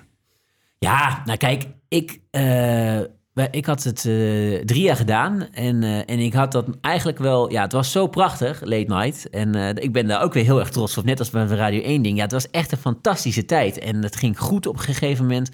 Het programma ging vliegen en we scoorden gigantisch. En we hadden wel eens uitzendingen die hadden dan... 1,6 miljoen kijkers. Ja. En dan, eh, ja, dan werd, eh, dan werd eh, op een gegeven moment werd het, het, het, kijkcijferstaatje van kijkcijferonderzoek werd uitgeprint en gedigitaliseerd en in een lijstje gestopt en boem op je bureautje gezet van 1,6 miljoen kijkers. Waanzin. Toen heb je een plaksnor opgedaan in de trein waarschijnlijk. Ja, was echt, oh ja, was echt, nee, nee, ook dan viel het, toen viel het nog. Maar het was echt wel echt gewoon, dat was wel, dat was wel echt een fantastische tijd. En maar na drie jaar was het nog steeds, ging, ging nog steeds, ehm dat was nog steeds hartstikke leuk en ging nog steeds heel erg goed. Eh eh hoor mij nou opscheppen, maar je begrijpt, ik bedoel, het programma Mm, ging nog steeds goed. En, eh, maar toen kreeg ik van eh, dezelfde hoofdredacteur die mij ook naar televisie had gehaald en late night had gedaan, die kreeg Boulevard er weer bij. Zijn rol was voorheen al de hoofdredacteur van Boulevard. Toen is hij late night gaan doen. En toen heeft hij Boulevard opgepakt. En hij vroeg, hij zei, ja, Albert gaat weg. Er komt een nieuwe studio. We gaan het format een beetje veranderen. Ehm, of niet, daar, gaat, het- daar zijn we mee aan het werk. Eh, wil jij dat doen? Ehm, of in ieder geval, eh, ja, wil jij daar aan meewerken? Ja, en toen heb, daar heb ik wel, eh, moest ik wel heel lang over nadenken eigenlijk. Omdat, ja, ik dacht, ja, waarom eigenlijk? Hè? Want het was, ik had het echt ontzettend naar mijn zin. Maar ja, toen dacht ik ook van ja, dit is toch ook wel weer een nieuwe stap die je misschien wel moet zetten. En zo'n stap komt niet, al, eh, dat, ja, dat komt niet altijd voorbij. Eh, het is niet dat over een jaar eh, dat hij er weer staat natuurlijk. Dus ja, dan is het ook wel een beetje nou of misschien wel never. En, en toen dacht ik, nou dan ga ik er maar voor. Ja. Ja, en dat misschien weet niet iedereen dat, maar RTL Boulevard en RTL Late Night werd natuurlijk geproduceerd door Blue Circle. Hè? Dus eigenlijk had je heel veel nou ja, met dezelfde mensen, of in ieder geval mensen die je ook kende, waar je mee bleef Er werken. letterlijk, eh, zat een, eh, er, zat, er zat letterlijk een deurtje verder. Er was Ja. heel veel strijd tussen die twee programma's, dat wel. Eh, Ja. Maar goed, ik, ik hou daar wel van. Een beetje goede, gezonde spanning. en je wilt toch het mooiste eh, eruit halen. De redactie, elke redactie wil de beste gast hebben. Dus er was zelfs strijd tussen Boulevard en Late Night. Wat goed. Ja, dat ho- hoorde er ook een beetje bij. Maar ehm, eh, ja, uiteindelijk eh, koos ik dan toch voor om bij Boulevard aan de slag te gaan. En Marieke nam die eh, rol over. En ja, ik vond dat wel... Ik kende Marieke niet, maar ik had wel eens met haar gesproken. Omdat zij toen ik bij Late Night zat... heeft ze mij wel eens een mailtje gestuurd met, de vraag van... zullen we eens een kopje koffie drinken? Zij zat toen bij een, een regionale zender. En... eh, en eh, nou, ik was echt eh, alleen maar met mezelf bezig. Toen, dus dat is er nooit van gekomen. Maar ik, ik, ik wist wel wie ze was. En ja, ik vond dat ze dat... Ja, zij heeft wel echt een, een soort natuurlijke flair. Ehm, eh, die, ja, die, zij kan dat gewoon heel goed. Nu is dat blokje, kon ze ook... Maar dat was helemaal niet haar ding. Dat was, was niet... Ja, zij was daar niet voor gemaakt. Zo, Zei ze zelf ook? Ja, Ja, dat, ja. ja, dat dacht ik al wel. Want dat, dat, dat, en dat, uiteindelijk zie je, ga. Op een gegeven moment ga je dat, ga je dat een beetje merken. En, ehm, eh, en ook als kijker zijn van, nou, dit is niet helemaal jouw plek. Dus dat is, ik denk dat het heel goed is geweest van RTL eh, en van Blue Circle om te zeggen van, nou, weet je wat, we halen, halen jou daar weg. Wij geloven wel heel erg in jouw talent. Dus ga jij bij Boulevard eh, nieuwe tv-vlieguren maken. En eh, nou, dat is, heeft, hij heeft haar in ieder geval geen windeieren gelegd. Heb je daarna nog wel veel met haar daarover gesproken, eh, over, over dat Nou, soort dingen? steeds Of- ja, natuurlijk. ja. Wij groeien een beetje in onze tv-wereld Ja. wel een beetje, gaan we geleidelijk Ja. op. En dat is wel heel leuk. Eh, er is een periode geweest dat zij dus alles wat ik deed, ging zij ook doen. En eh, op een gegeven moment eh, is, is zij een andere kant op gegaan. En nu is het natuurlijk mega succesvol met de radio. Maar het is leuk, want we komen elkaar elke keer weer tegen. En ja, over Late Night praten we nog wel eens na natuurlijk. Van ja, we hebben dat allebei eh, hebben dat, eh, gedaan. Hetzelfde, hetzelfde blokje, dus dat is wel heel erg leuk. Grappig. Nou, vorige week zat je nog op haar stoel bij, eh, bij de Q-ochtendshow. Ja, hè? ja, ja, bij ja, ja, ja, precies. Ja. En dan, ja, zij appt dan ook van, hey, zit je daar nu en zo. En eh, ja, dat, was, dat is wel heel leuk. Het, het pad kruist continu. Leuk, ja. Ehm, ja. Tegenwoordig zie je eigenlijk overal virals. Hè? Overal filmpjes word je mee doodgegooid. Ehm, maar sommige mensen hebben jou gezien als de aanstichter van de YouTube-troep. Al dus René van der Grijp. Ik kreeg nog wel een eh, appje van eh, Luc Ikink. Hey Wilfred, ik hoorde dat jullie vrijdag alle RTL-presentatoren hebben uitgenodigd om langs te komen. Helaas ben ik door omstandigheden verhinderd, anders had ik jullie graag even de hand geschud. Wie is, wie is dat? Luc Hij is de uitvinder van die kutfilmpjes, hè? Maar wie is- Nee, maar weet jij... Weet Nou ja, hij is wel aardig van hem dat hij Nou, nog even nou, stuurt. maar, maar hij... Dat is ook de enige. Ja, maar hij is, is eigenlijk de aanstichter van, van al dat YouTube-troep. Is dat zo? Als er de gozer in Oh. Berg op zo'n een toespraak houdt die in het water valt, weet je wel. Dat vind ik nog wel leuk om naar te kijken. Maar echt Amerikaanse kattenfilmpjes en zo... ja, dat ga je toch niet in een normaal, normale talkshow Nee, maar je hebt zien? niet iedere dag tien leuke filmpjes. Dat slaat hem ook nergens op. Maar hij is er wel mee begonnen. Hij is de aanstichter. Ja. Dat heb je toen ook gehoord, neem ik aan. Doe dat nog wat met je? Of denk je één oor in, ander uit? Ja, ik zat, ik, ik zat dat te kijken, want zij hadden de laatste uitzending bij RTL. En eh, Wilfred had alle presentatoren eh, uitgekozen, maar niemand kwam. Dus ik had hem nog een berichtje gestuurd. Van, eh, eh, nou, veel plezier, weet ik niet precies wat erin stond. Maar, eh, eh, dus- maar ja, zij, zij, zij pleuren alles op zender. Hè? Dat Ja, maakt hen allemaal ja. niks uit. Dat is ook wel de charme natuurlijk van het programma. Ja, nee, dat, ik vond het hartstikke leuk om te horen. En eh, ik denk niet dat het zo is. Volgens mij waren er heel veel programma's die ook eh, YouTube-dingen deden. Maar eh, het paste heel goed in ons format uiteindelijk. ehm, eh, wat, ja, om, om dat te doen en om veel, veel te lachen. En, eh, en en veel filmpjes achter elkaar, snelheid. Ja, dat paste gewoon heel goed in dat format. Dus ja, ik, eh, en, en ja, het- ik snap ook wel dat zo'n kattenfilmpje is niet de meest verdiepende televisie die je kan bedenken. Nee, dat snap ik ook wel. Nee, maar we ja. maakten geen nieuwsuur, hè. Dus, Nee, eh. En het scoorde ook, Ja, toch? het scoorde. Dus, we ja. wilden gewoon mensen vermaken. Dus ja, dat eh natuurlijk deden we gewoon. Ja, dit was ook een licht kritische opmerking Ja. van Van der Grijp. Maar hoe ga je in het algemeen om met kritiek? Je zal vast wel wat via de socials naar je hoofd krijgen af en toe. ja, ja, ja, ja, ja, zeker. Nou ja, kijk, ehm, ik, eh, eh, de, ik, ik probeer het altijd een beetje te scheiden. Je hebt natuurlijk mensen die, eh, die lopen te trollen en lopen te schelden. Nou goed, dat, dat, daar, doe je niks op uit. En dat is, dat, dat, ik moet zeggen, dat doet mij ook helemaal niks meer. En, want je weet ook niet wie dat zijn. En als je wel op door gaat klikken, dan zijn het vaak mensen die eh, dat je denkt van ja, god, waarom zit jij mij nou uit te schelden? De, dus dat doet me er niet zoveel. Wat ik wel interessant vind, is dat er ook wel eens, heel veel zelfs mensen zijn, die gewoon eh, een inhoudelijke reactie geven op iets wat we doen met, eh, met Boulevard. Ja, of, of late night, of niet, nee, nu in dit geval Boulevard. En ik heb me altijd wel voorgenomen om dat niet meteen weg te zetten als onzin. Zo oh, wij weten het wel beter en zo. Nee, want een kijker zit te kijken. En, en op Twitter zijn ze uiteraard extra kritisch. Maar ja, als er dan heel veel mensen zijn die hetzelfde gaan zeggen... of er is één iemand die gewoon, eh, gewoon een, een- normale tweet stuurt... van hé, hey, eh, waarom pakken jullie dat en dat aan? Of eh, waarom doen jullie dit, dit en dat onderwerp op die manier? Ja, dan vind ik dat je moet je wel... moet je wel naar luisteren. En ik vind het ook wel leuk om nu en dan eens in gesprek te gaan. Ik had laatst een, een verspreking. Maar dat was vervelend. Dat was een overlijdensbericht van een Italiaanse actrice. En ja, dat verspreek je. Nou, dat, dat, is, dat vinden mensen heel vervelend. Nou, dat snap ik ook wel. Want als jij... ja, dat, dat is gewoon... Ja, je kijkt naar tv en je wil dat het netjes gebeurt. Ja, dan, dan, vind ik, dan vind ik het zelf ook wel leuk om... Of nou, leuk, maar wel netjes om dan ook even te reageren. Van, ja, sorry, foutje. eh, het ging, daarom daarom ging het mis, maar je hebt helemaal gelijk. En eh, ja, ik kan ook wel heel uh, hotel daarmee omgaan en denken van... eh, ik reageer helemaal nergens op. Maar soms hebben, zijn mensen, hebben mensen gewoon steekhoudende argumenten en hebben ze gewoon gelijk. Ja. Dus ja, dat is ook wel goed, toch? Ja, Kijk, we een beetje ja natuurlijk. Ja, nee, maar dit soort dingen gebeuren ook wel bij live tv natuurlijk, toch? Ja. Uiteindelijk, dat is ook wel weer... Ik maak 260 afleveringen per jaar en eh, het zijn er zoveel. En het, eh, ik ga nog ontzettend veel fouten maken. En er gaan nog heel veel dingen fout doen op televisie. En, eh, en probeer er ook een beetje van te leren. En ik probeer ook altijd te denken van, nou oké, het is maar televisie, maar ik neem het wel heel serieus. Ja, tuurlijk, Het is ja. het allerbelangrijkste eh, werk nu wat ik nu doe. Dus eh, ja, ja, zeker. Je vindt de broadcast ook op de socials. Check ons op Twitter, Facebook en Instagram. Volg ons en mis geen broadcast meer. We gaan de brug eh, maken naar Boulevard. We hadden het net al over. Een paar fragmenten. Ik ben Ruben Nicolai. Ik ben Lucky King. En dit is RTL Boulevard.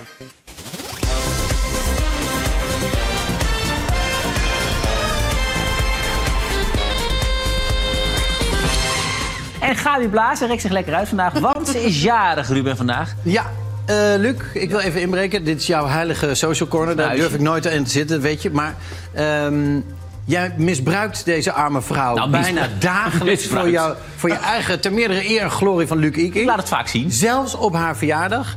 En dat ziet zij ook. En dus wou ze wat tegen jou zeggen. Oh god.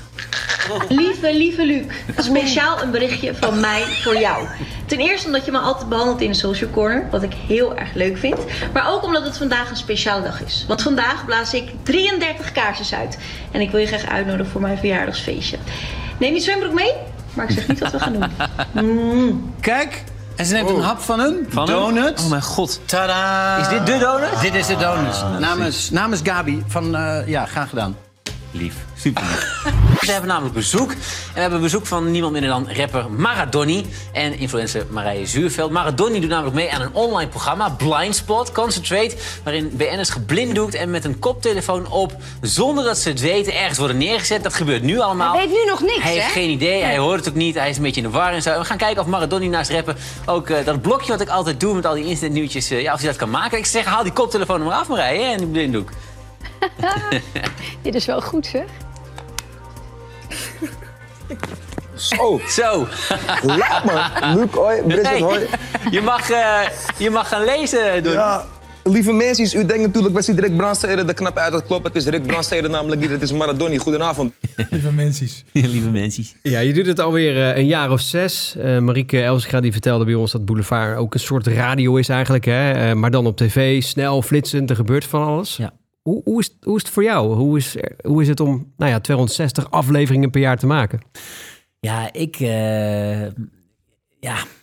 Het klinkt net alsof ik elk, alles wat ik doe echt helemaal fantastisch vind. Maar ook Nou dat is wel belangrijk, toch? Op Ja. Ja, ja. ja, ik ben echt gezegend dat ik alleen maar leuke dingen mag doen. Eh, dat gevoel heb ik in ieder geval. En eh, ja, ik vind Boulevard echt, echt helemaal geweldig om te maken. En ehm, eh, wat je zegt, het is, een soort, het is een soort radio. Maar wel, we hebben helemaal gezocht de afgelopen jaren. Nou, ja, wat, wat, wat, wat is nou...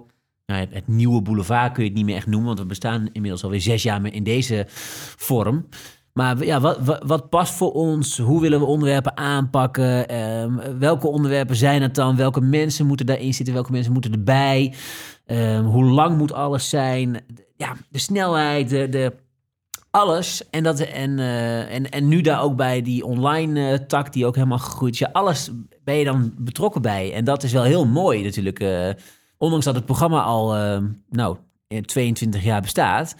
eh, hebben we toch wel weer, zijn we toch ook wel weer eh, nieuw sinds een jaar of zes. En eh, eh, ja, dat proberen we dan ook nieuw, nieuw en fris te houden. Maar ja, ik vind dat eh, schitterend om aan mee te werken. En eh, ja, ik ben heel blij dat ik daar 260 dagen van het jaar... eh, nou ja, ik ben er eigenlijk het hele jaar mee bezig. Maar in ieder geval 260 uitzendingen mag maken. Ja, zeker. Ja, En, en terecht. Kan, kan jij eens aangeven hoe bijvoorbeeld zo'n dag als jij Boulevard presenteert eruit ziet? Ben je veel met voorbereiding bezig? Of? Ja, ja, ja, zeker. Ja, ik krijg om half acht krijg ik een appje van de hoofdredacteur met, eh, met de kijkcijfers van eh, gisteren. En daar zit dan ook een marktaandeel eh, bij. En, eh, nou, en een smiley omhoog of smiley omlaag of weet ik veel wat. Het gaat wel goed, hè? Gaat Dus, heel goed. ja, ja, ja, we hebben een recordjaar gedraaid vorig jaar Ja. qua marktaandelen. Ook, dus dat is, ja, het gaat nu heel goed, gelukkig. Ehm, maar dat zit, ja, dan krijg je, zo begint het. En dan ehm, eh, nou, heb ik m- misschien tot half tien nog wel eens een keertje meer contact over wat belangrijke nieuwsdingen waarvan we weten van oh, dit moeten we meenemen sowieso. Dan is om half tien 's ochtends een vergadering. Dat doen we tegenwoordig altijd via, eh, via eh, Teams, dus niet meer eh, fysiek. Eh, zodat iedereen ook even zijn kinderen naar, eh, naar school Ja. kan brengen en zo, wat echt super handig is. Ik vind het ook heel mooi dat Blue Circle, dat, dat, hè, dat is echt moderne werk eigenlijk. En dat, Ja. eh, dat gaat super goed. En dan gaat iedereen aan de slag. En dan heb ik vaak rond een uurtje of elf weer een eh, gesprekje met eh, de, de samensteller eh, die de, de uitzending maakt. Nou, dan ga ik me dan een beetje voorbereiden. Ja, soms weet ik, soms zijn onderwerpen waar ik echt al heel veel van af weet. Soms zijn het crime onderwerpen waar ik wat minder van af weet. Tussendoor heb ik uiteraard ook eh, mijn kinderen ophalen en eh, lunchen en weet ik veel wat. En lekker wandelen met de hond. En dan om eh, drie uur ongeveer ga ik naar de studio. En dan gaan we repeteren. Of eerst aan de make-up. En dan, of daarvoor nog een beetje typen en weet ik veel wat kletsen. En ja, tussendoor heb je continu contact. En dan om half vijf gaan we repeteren. En dan, dus dan nemen we alle, eh, de, de, we nemen niet de vragen en zo door, maar wel even van, oké, welke richting willen we zo meteen het gesprek op? Dat, daar zijn de deskundigen niet bij, maar de, maar de presentatie wel. En de samensteller en de hoofdredactie eh, is daar meestal wel bij. En, ehm, eh, en dan is het nog daarna nog eventjes ja, wat aanpassen, tekstdraaiboeken en dat soort dingen en zo. En dan gaan we om, om half zeven live. En dan is het een uurtje knallen en dan zit het er weer op. En dan, eh, ja, ik ga meestal naar huis en dan ga ik nog allemaal andere dingen lezen. Ja, ik vind het leuk om de hele tijd eh, bezig te zijn met... eh, om dingen bij te houden en zo. Ik ben niet zo'n serie kijken. Dus ik ben, en dan, ja, dan zit ik die groepsapp eh, vol te plempen met onzin. Dan wordt iedereen denk ik helemaal gek van. Oh ja. Ik, ik ben zo iemand die om half twaalf nog berichten stuurt. En ja, ik heb vaak nog contact ook met de hoofdredacteur Jorien, eh, ook nog s'avonds. Want die, ik weet dat zij dat ook, eh, dat zij ook eigenlijk de hele dag ermee bezig is. Ja, en dan begint volgende dag om half acht weer, het, eh, weer opnieuw. Leuk zeg. Nou, ja. dat klinkt goed. Het zijn, wel, het zijn lange dagen, zijn maar ook, wel weer leuk Ja, natuurlijk. het is ook leuk. Ik kan maar het is ook, ik bedoel, ik, ik zit niet de hele dag eh, binnen. Dus ik ben ook veel wel, eh, bedoel, ik heb tussendoor kan ik natuurlijk gewoon ook mijn ding doen. Maar ik ben Ja. wel de hele dag ermee bezig. Maar dat Staat dat- wel aan. Ja, dat wil ik ook. Ik, ik, ik vind het, dat vind ik ook mooi om te doen. Dat had ik bij de radio ook al. Dan was ik 's ochtends, hoorde ik iets op de radio. En dan weet ik, dit ga ik gebruiken vanavond. En dan ga ik ondertussen nadenken over welke tekst ik daarbij ga gebruiken. Nou, nu is het op een ander vlak. Maar ik ben wel de hele dag druk mee. Ja, ja. Hey, en ja, we ontkomen niet aan de Juice-kanalen. We moeten het toch even over hebben. Ze schieten inmiddels als paddenstoelen uit de grond. Eh, hoe, hoe kijk jij daarnaar bijvoorbeeld? En, en hè, het komt ook wel eens voorbij in, eh, in de show natuurlijk. Zeker, ja. Eh, ja, je kan ze niet meer wegdenken ook, hè? Nee, nee, nee, dat is echt, het zijn, de nieuwe, het zijn echt de nieuwe roddelbladen geworden eigenlijk. En ehm, ja, we hebben daar een beetje aan moeten wennen. En hoe, eh, hoe gaan we daarmee om? En, eh, en, en, en, en ja, hoe staan we eigenlijk tegen het nieuws wat ze, wat ze brengen? Moeten we met ze meegaan continu of juist niet? En, dus dat, dat hebben we best wel een beetje moeten aftasten. Ja, we zijn er ook, we hebben ook wel eens fout in gemaakt dat we te snel iets overnamen. Wel, niet, we, we checken alles wel, Mhm. maar waarvan we later dachten van ja, eigenlijk is dit helemaal geen nieuws voor ons. Ja. Ehm, maar, ehm, maar ik denk dat we nu wel een. eh, ja, we zijn nu eigenlijk een beetje terug op het, op het punt dat wat, wat we vroeger eigenlijk deden met, met, eh, met de roddelbladen. En nog steeds wel trouwens. Dat we ze allemaal lezen. We volgen alles. En met de, we, de, de redactie natuurlijk. Ehm, en als, het, als we denken van oké, dit kan een onderwerp zijn wat voor ons interessant is, dan bellen we daar achteraan. Maar we, we, we, eh, en als het, dan, als er dan wat uitkomt, dan gaan we denken van nou moeten we er wat meer mee. Moeten we het groot aanpakken of een klein berichtje? Of moeten we het eigenlijk überhaupt wel doen? Maar we nemen daar wel wat meer tijd mee. Dus als er een, eh, een Juice-kanaal is die om half zeven iets eh, post. En eh, ja, dan gaan, we gaan er achteraan, we gaan bellen. Maar we hoeven daar niet meteen eh, om kwart over zeven ook een item van te maken. Omdat we denken, we moeten net zo snel zijn als een, als een Instagram-kanaal. Want dat gaat, dat gaat gewoon niet. Nee, nee je bent ook gewoon tv aan het maken. Hè? Dat is We ook wel weer een ander anders. programma. Ja. Het is echt een ander... ja, zij eh, ja, hebben natuurlijk één niche, één, één, één branche eigenlijk waar ze op richten. Maar Ja. wij maken een tv-programma. Het is gewoon een heel ander, heel totaal ander medium. Ja. En, eh, en ik vind ook Juice-kanalen, ja, de ene is goed en de andere is, eh, is, eh, is echt rommel. Dus ja, nou, dat, maar dat gaat zich de komende jaren, gaan, we, dan gaan we zien welke er overblijven. Dus dat Ja. is wel interessant natuurlijk. Is wel, het ik vind het wel interessant. Ik zou het zelf echt niet willen hebben, een Juice-kanaal. Het lijkt me heel... het lijkt me heel, eh, pff, ja, het lijkt me heel vermoeiend om te hebben. Maar ik volg ze uiteraard eh, bijna allemaal. En eh, ja, ik vind, ik vind het wel interessant om te volgen. Hey, en en als je nou ja, als BN'er een keer natuurlijk geen zin hebt in een foto of een handtekening in de ogen van de persoon die het eh, eh, diertje vroeg ineens onaardig doet bijvoorbeeld of zo, weet je wel. Ja, je staat zo op die kanalen natuurlijk. Ja, Hoe is dat voor jou zelf? Ben je daarmee bezig of juist niet? Of... Nee, nou ja, als mensen zeggen dat ze niet bezig zijn met dan zullen er toch niet opkomen, dan staan ze de volgende dag erop al. Ja, ja, ja, ja, ja, ja, ja. ja, ik ben daar niet echt mee bezig. Ja, ik Nee. denk, ja. En ik denk ook dat daar wel een verschil in zit. Dat toen de Juice-kanalen begonnen, ik denk anderhalf jaar geleden... dat is ook nog wel Ja, zoiets, hè. Dat, toen was eigenlijk alles wat er opkwam, was heel heftig voor heel veel mensen. Want je dacht, potverdorie zeg, ik heb ooit een keertje iemand afgewezen bij de supermarkt voor een foto. Ja, en dat ja. staat nu op een kanaal. Maar als dat er nu op zou staan, nu zouden we wel denken, ah joh. Ja. Toen is dat gevoel heb ik hoor. Misschien denken andere mensen daar wel anders over.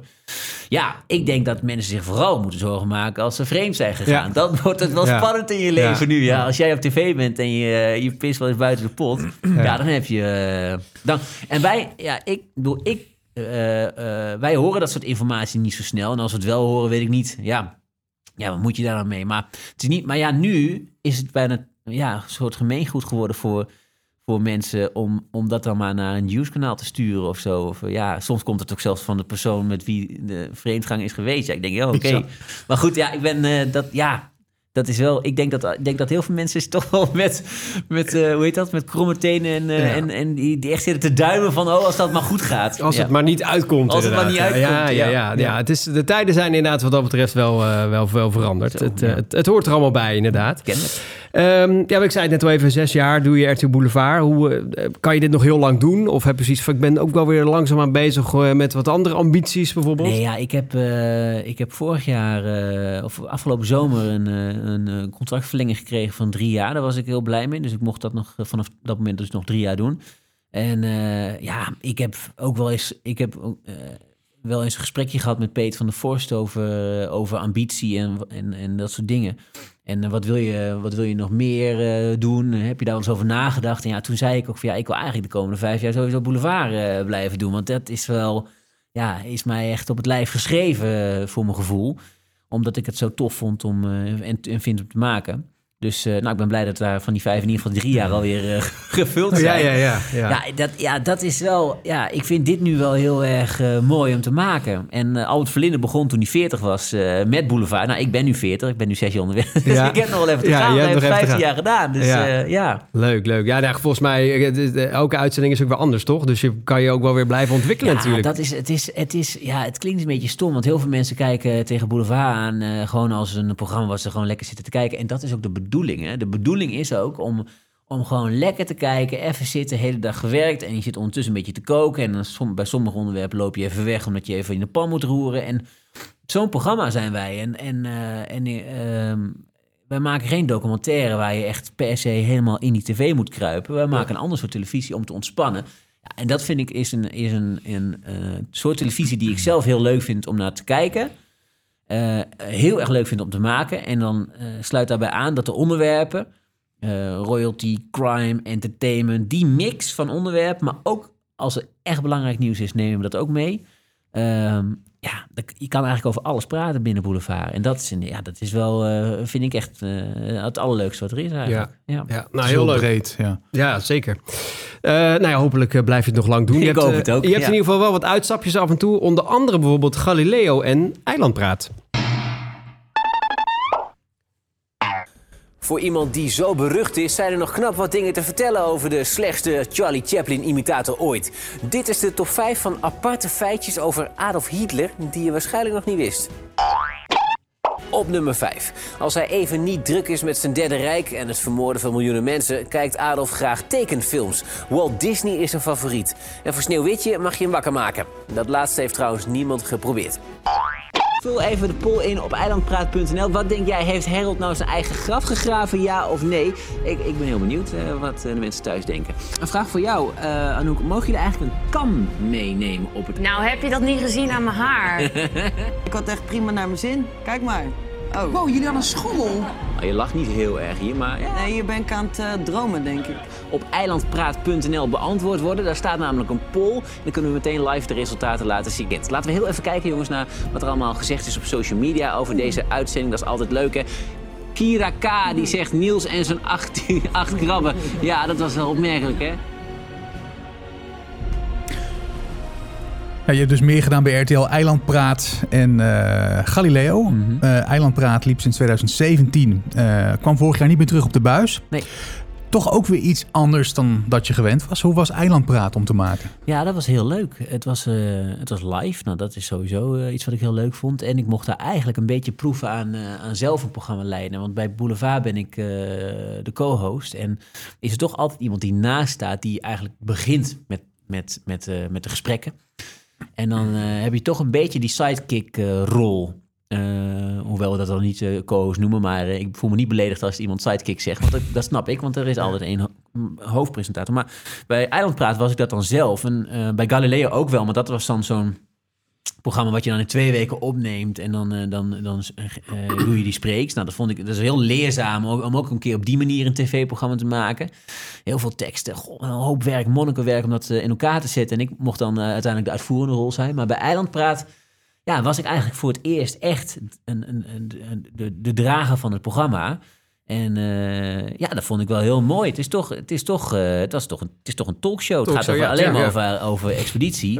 Maar goed, dat was ook wel weer heel fijn. Want dan weet je wel waar je over moet praten. Het is, eh, eh, je, je groeit er dan wel lekker in. Het was ook eh, een half uurtje. Op een gegeven moment 50 minuten, 45. Maar niet super lang. Dus het was eigenlijk voor mij een hele fijne plek om, om, om dat ook eens eh, te kunnen doen. En, ehm, en, en ik heb daar wel veel van geleerd eigenlijk. Ja, in, eh, in gesprekken voeren. Ehm, ook, ook, ook gesprekken voeren met mensen die zelf misschien wat minder bedreven zijn in, in, in praten met de media. Wij pra ik praat natuurlijk bij Boulevard alleen maar met mensen die precies weten hoe ze moeten antwoorden. Die, want die doen Ja. dat heel veel. Ja. Eh, als ik Rob Goossens een vraag stel, dan, komt, ja, dan weet ik gewoon, eh, nou, dan hoef ik verder niet, dat komt wel goed Komt met wel het goed, antwoord. Maar ja, dat is bij zo'n talkshow natuurlijk anders. Dus eh, nou, daar kon ik dan ook weer mooi doen. Dus dat was wel was een hele leuke plek om dat te doen. Ja. Uiteindelijk was het jammer dat, dat het wat minder ging scoren. Eh, en, eh, en op een gegeven moment dacht RTL, nou, dat, als ze hiermee doorgaan, dan belemmert dat eigenlijk eh, de talkshow wat erna zou komen. Dan had je Robinson, Eilandpraat en dan Jinek of, of Bo. En toen hebben ze toch dit Eilandpraat tussenuit gehaald. En eh, eh, ja, maar ja. Dat, ja. Voor een betere lead in, zeg maar. Voor een ja. betere lied in. Ja, want Ja. van Robinson was natuurlijk altijd goed. En ja, dan bij zo'n eilandpraat daalde het, daalde het gewoon net te veel om dan weer op te kunnen pakken. Ja. Maar kan je daar je vinger op leggen waarom het op een gegeven moment minder werd met kijkers? Ja, nou, het- we begonnen op RTL 5. Dat was wel een leuk experiment. Eh, dan had je op vier, nee, je had op vijf ook Robinson. En eh, toen eh, was het op vijf ook Eilandpraat. Nou, dat was natuurlijk alle ruimte, want dan, heb je wat meer plek. Want vier, eh, op vier is natuurlijk een druk bezette zender. Toen ging Robinson naar vier. En hadden wij na Robinson een minuutje op vier. En dan verwezen we door. Als je wil, zep dan nu, zep nu naar RTL 5. Dat werkte eigenlijk ook heel goed. En, ehm, eh, en op een gegeven moment, ehm, ik denk dat, ja, als ik er een vinger op moet leggen, er kwam een seizoen wat zelf, wat Robinson so- scoorde zelf al wat minder goed. Dat was een, eh, een seizoen wat eigenlijk voor Videoland bedoeld was.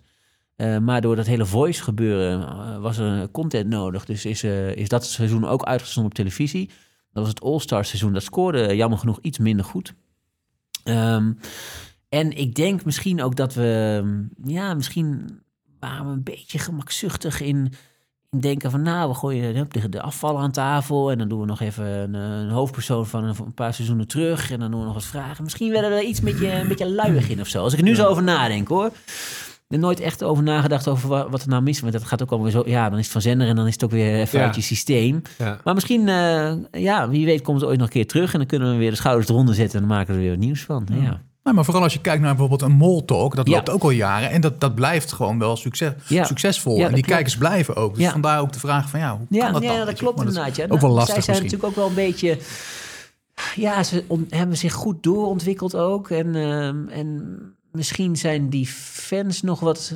Misschien nogal wat trouwer in... eh daar kijken natuurlijk ook sowieso... eh, wat is het? 1, wat was het? ook? Heel veel mensen. Nou, Nog steeds, hè? Ook Heel gewoon, hè? Na ja. zoveel En- seizoenen. en- ja, precies. Dus dat, eh, ja, en het kan ook zijn dat, dat misschien de kijkers na Robinson wel echt behoefte he- hebben aan de talkshow. Dat het wel genoeg was na een uur Robinson. Op een gegeven moment zijn er dus ook twee uitzendingen van Robinson geweest. Dan is misschien een eilandpraat nog wel nog. Dan is het hard werken voor de kijker. Op een gegeven- Ja. Dus zo kan men wel een paar redenen bedenken. eh, maar, maar dus ook wel dat, ehm, dat het programma misschien wel gewoon. dat we gewoon niet goed genoeg hebben doorontwikkeld. Ja, Ja. dat is ook. Dus Maar je- niet, niet, alleen maar niet alleen externe factoren. Nee, nee, zeker niet. Maar je zei net, misschien komt het ooit nog terug. Dus de deur is niet helemaal dicht. Nee, dat denk ik niet. Ja, ik heb daar geen eh, aanleiding voor om dat nu eh, te denken dat het terugkomt hoor. Maar ja, het kan natuurlijk. Ja, ze, hebben het, ja, ze kunnen het maken. Maar misschien komt het wel terug met iemand anders. Hè? Dat ze zeggen van nou, Luc, je hebt het nu drie, vier jaar gedaan. eh, nu eh, willen we graag eh, iemand anders hebben die dat gaat doen. Nou, dat kan ik me ook wel voorstellen. Ja,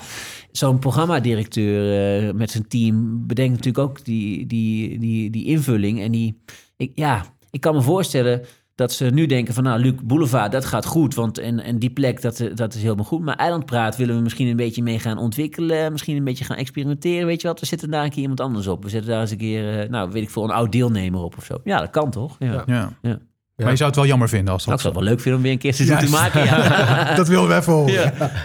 Naast eh, de eerder genoemde eh, programma's dook je ook op als eh The Alien in The Masked Singer. Ladies and gentlemen, we give you the alien! Come on, come on, turn a little faster. Come on, come on, the world will follow after. Herken je iets of niet? Waar stem jij? Nee, Ik denk toch Ikink. Die stem ook. Sunlight shimmering low. Wij hebben hem al en we houden hem geheim. Dat betekent dat jullie de strijd met elkaar aan zullen moeten gaan in de sing-off. Hoe heet die jongen die ook bij Twan altijd was? Feeling warm and bright, it's such Giel Belen? Nou, qua stem. Degene die het programma moet verlaten De zwaan! I am still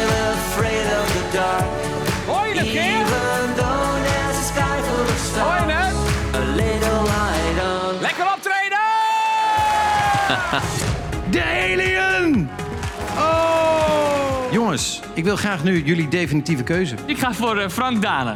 Frank Dane, the one and only Luc Ikink. Gerard Ekdom. Het is Luc Ikke. Wie is de alien?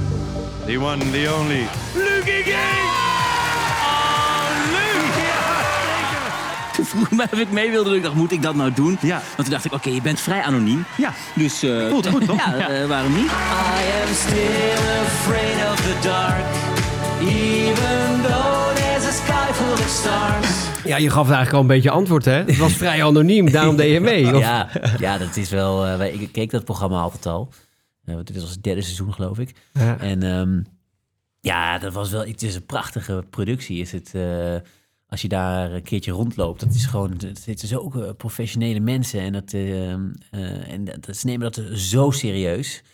In, in de, bewegingen van de kandidaten. Dat je in zo'n geblindeerd busje gaat. En je mag niet daar naartoe met je eigen auto. En ja, dat is wel gewoon echt een leuke ervaring om een keer te doen. En nou, zoals je hoort, ik kan helemaal niet zingen.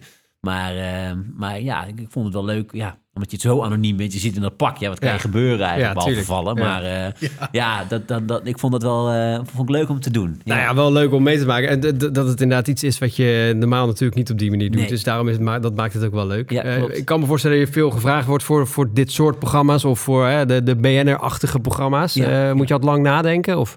Nou, ehm, ja.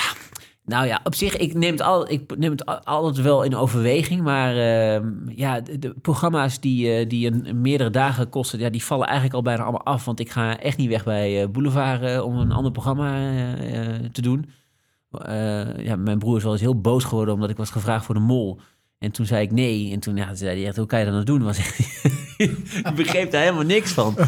Maar ja, dat, vind, ja, dat kan ik gewoon niet maken, vind ik. eh, eh, nou, dat, dat doe ik gewoon niet. En ehm, eh, nou, ik heb, ik heb wel eens meegedaan aan een, Wie ben ik of zo. Maar goed, dat vind ik dan wel leuk. Een keer Ja, een, tuurlijk. een programmaatje, ja. Maar, maar je was gevraagd voor de mol, en, maar dat doe je dan bijvoorbeeld niet. Omdat je dan eh, heel veel uitzendingen zou moeten missen Ja, van die heel- reguliere boulevard. Ja, precies. Ja, moet ik zoveel missen. Ja, En dan, tuurlijk. eh, Ja, je kan de reden niet geven natuurlijk. Je Ik kan de niet reden zeggen, niet geven. mee. Je moet er heel lang weg zijn. En Ja. ja, je kan Ja. ook niet in de tweede... en Tenminste, volgens mij moet je dan ook echt wel die volledige periode van de radar zijn. Want anders Ja. denken mensen... Ja, maar mensen dachten ook al toen helemaal... eh, eh, als je dan in de zomer op vakantie gaat... En dan, eh, dan denken mensen allemaal dat je meer doet dan de mol. Ja, ja, ja, ja, precies, ja, precies. kwam je dan Ja. terug, want ik was, ben dan vaak een week of vijf eruit in de Ja. zomer. En dan denken mensen allemaal van... Oh, je hebt meegedaan aan de mol. En nu ze je allemaal... Oh, je hebt meegedaan aan de verraders. Ja, ja, ja, dat heb je nu ook natuurlijk, ja. Leuk. Ja, voor we gaan afronden willen we eerst nog even eh, ook jouw podcast, eh, podcastwerkzaamheden aantikken natuurlijk. Want in de NCV-tijd, je vertelde het net al even kort, verzorgd je ook al een podcast. De Ongekend Talent podcast. Verder heb je ook met je vrouw de Ochtendpot gemaakt. Dagelijks bespraken jullie het eh, laatste nieuws aan jullie ontbijttafel. Dat maakten jullie toen de tijd voor het AD. En sinds oktober vorig jaar maak je, je noem- noemde hem net ook al eventjes, samen met Rob Goosens de wekelijkse BLVD-podcast, de Boulevard-podcast. Eh, geen onbekende in podcastland natuurlijk wat dat betreft. Klopt. Leuk om te doen, vooral ook die laatste, eh, de Boulevard-podcast. Ja, dat is heel leuk om te doen. We, hadden, we zijn eh, late to the party, dat weten we zelf ook. We zijn Nou, dat maakt er niet uit. Nee, niet Ja, de eerste, bent- maar, ja. eh, maar wel de leukste. Maar eh, nee, ja, het, het, het, het leek ons fantastisch om, om die onderwerpen om eens een keer wat langer over door te praten. Bij Boulevard hebben we, hebben we veel, maar niet veel tijd. Ehm, dus dat moet allemaal snel. En ja, ja en hier hebben we wat meer ruimte. En ik heb, ik, heb, ik heb podcast altijd leuk gevonden, want ehm, toen ik nog voor die Ongekend Talent podcast... had ik een podcast die ik maakte bij Twikkelstad FM. Toen kwam podcast op in 2005, denk ik was het of zo. En dan had ik een podcast Luxpot. En dat was een kwartiertje. En dat eh, maakte ik dan met die eh, vriend van mij, Peter. En dan had ik mijn mondharmonica mee. En dan maakte ik dan de jingletjes, eh, deed ik dan allemaal live. En dan nam ik dan op. En dan... en, en, en ja, en, maar ja, daar, daar, ik heb het wel uitgezonden. Het is ook daadwerkelijk ge- ergens op een RSS-feed terechtgekomen. Alleen dat was al een stuk moeilijker dan dat het nu is.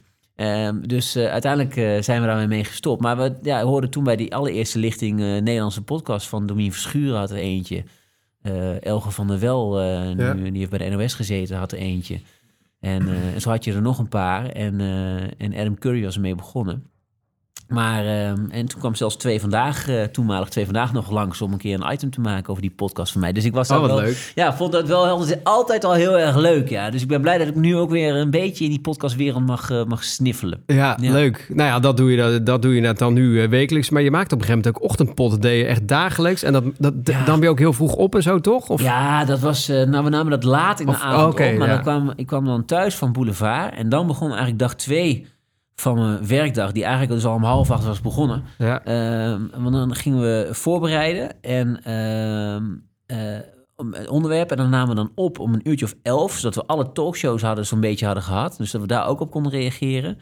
En dan namen we een half uur op ongeveer. En dat ging ik dan nog even afmonteren. Dus ik, was dan, en dus ik moest dat helemaal monteren. En was dan om een uurtje of half één of zo was ik klaar. En dan ging ik hem uploaden. En dan ging hij de volgende dag om zes uur ging hij live. Oh, Of eh, hoe, noem- eh, noemen jullie dat in podcastland? Eh, dat, nou, Ja, nou ja, ja. nou ja. Ja. En dan, nou, dan kwam hij online. Maar dat was wel ja, was heel leuk om te doen.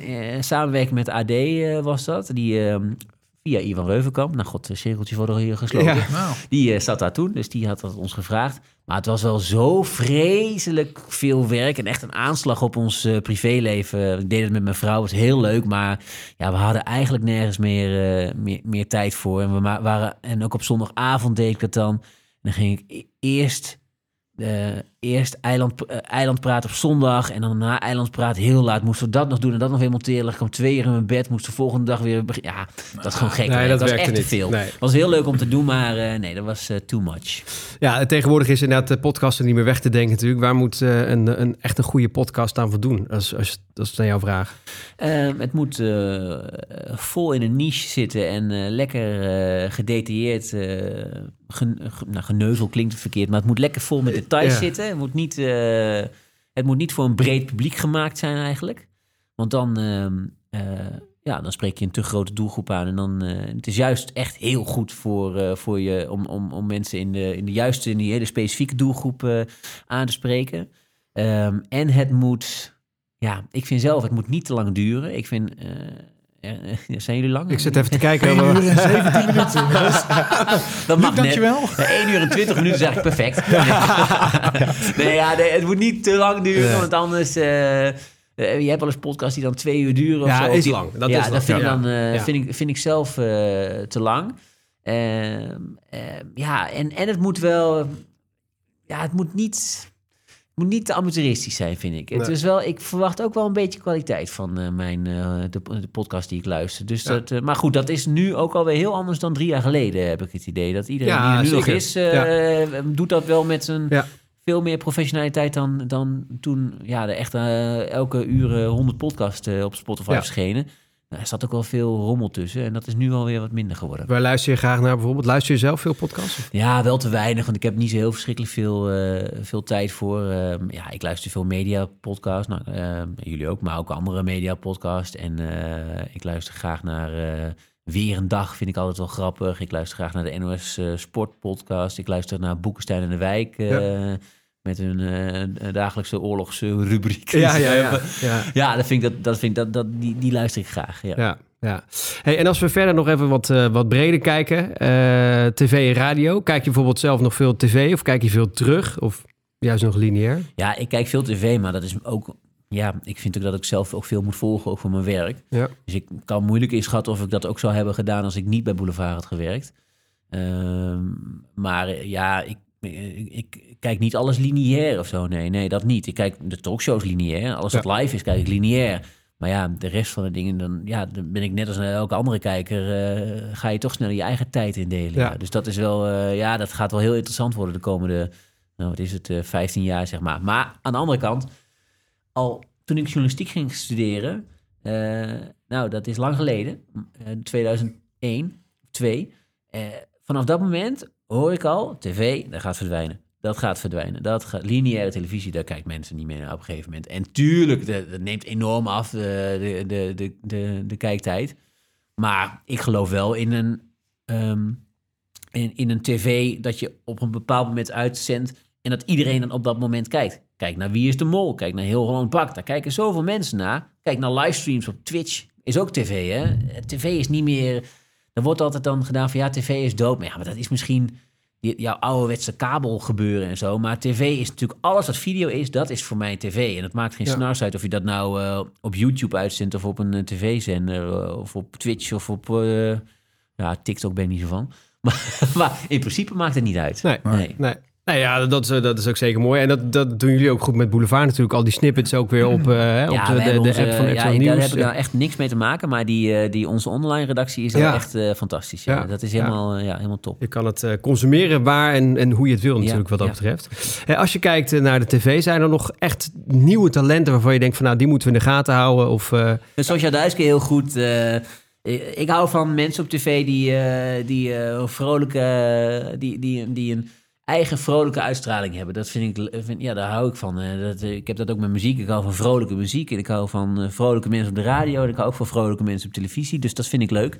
En eh, ja, zij heeft dat. Maar Rachel Rossier van het Sinterklaasjournaal heeft dat ook heel erg inderdaad. Die, eh, dat vind ik ook... Ik, die, ja, dat is natuurlijk de, uiteindelijk de opvolger van, eh, van. Dat kan bijna niet anders. Ja, dat dat ja. zijn eh, mensen... Ja, die vind ik leuk. ja, leuk, leuk. En, en als we dan kijken naar de radiovariant, luister je, luister je in ieder geval nog veel naar de radio? Ja, Of- ik luister heel veel radio. Ja, zeker. En luister je dan nog specifiek juist naar, naar eh, bepaalde jogs? Of... Ja, ik luister nu veel weer naar 3FM. Want ik vind dat, dat ze bij 3FM eh, echt weer de smaak... eh, Ja. dat, ze- dat ze daar weer de smaak goed te pakken hebben. Zeg ik dat zo? Nou, in ieder geval... daar- De daar- weg omhoog weer Ja, de weg, Ja. echt de weg weer omhoog hebben gevonden, ja.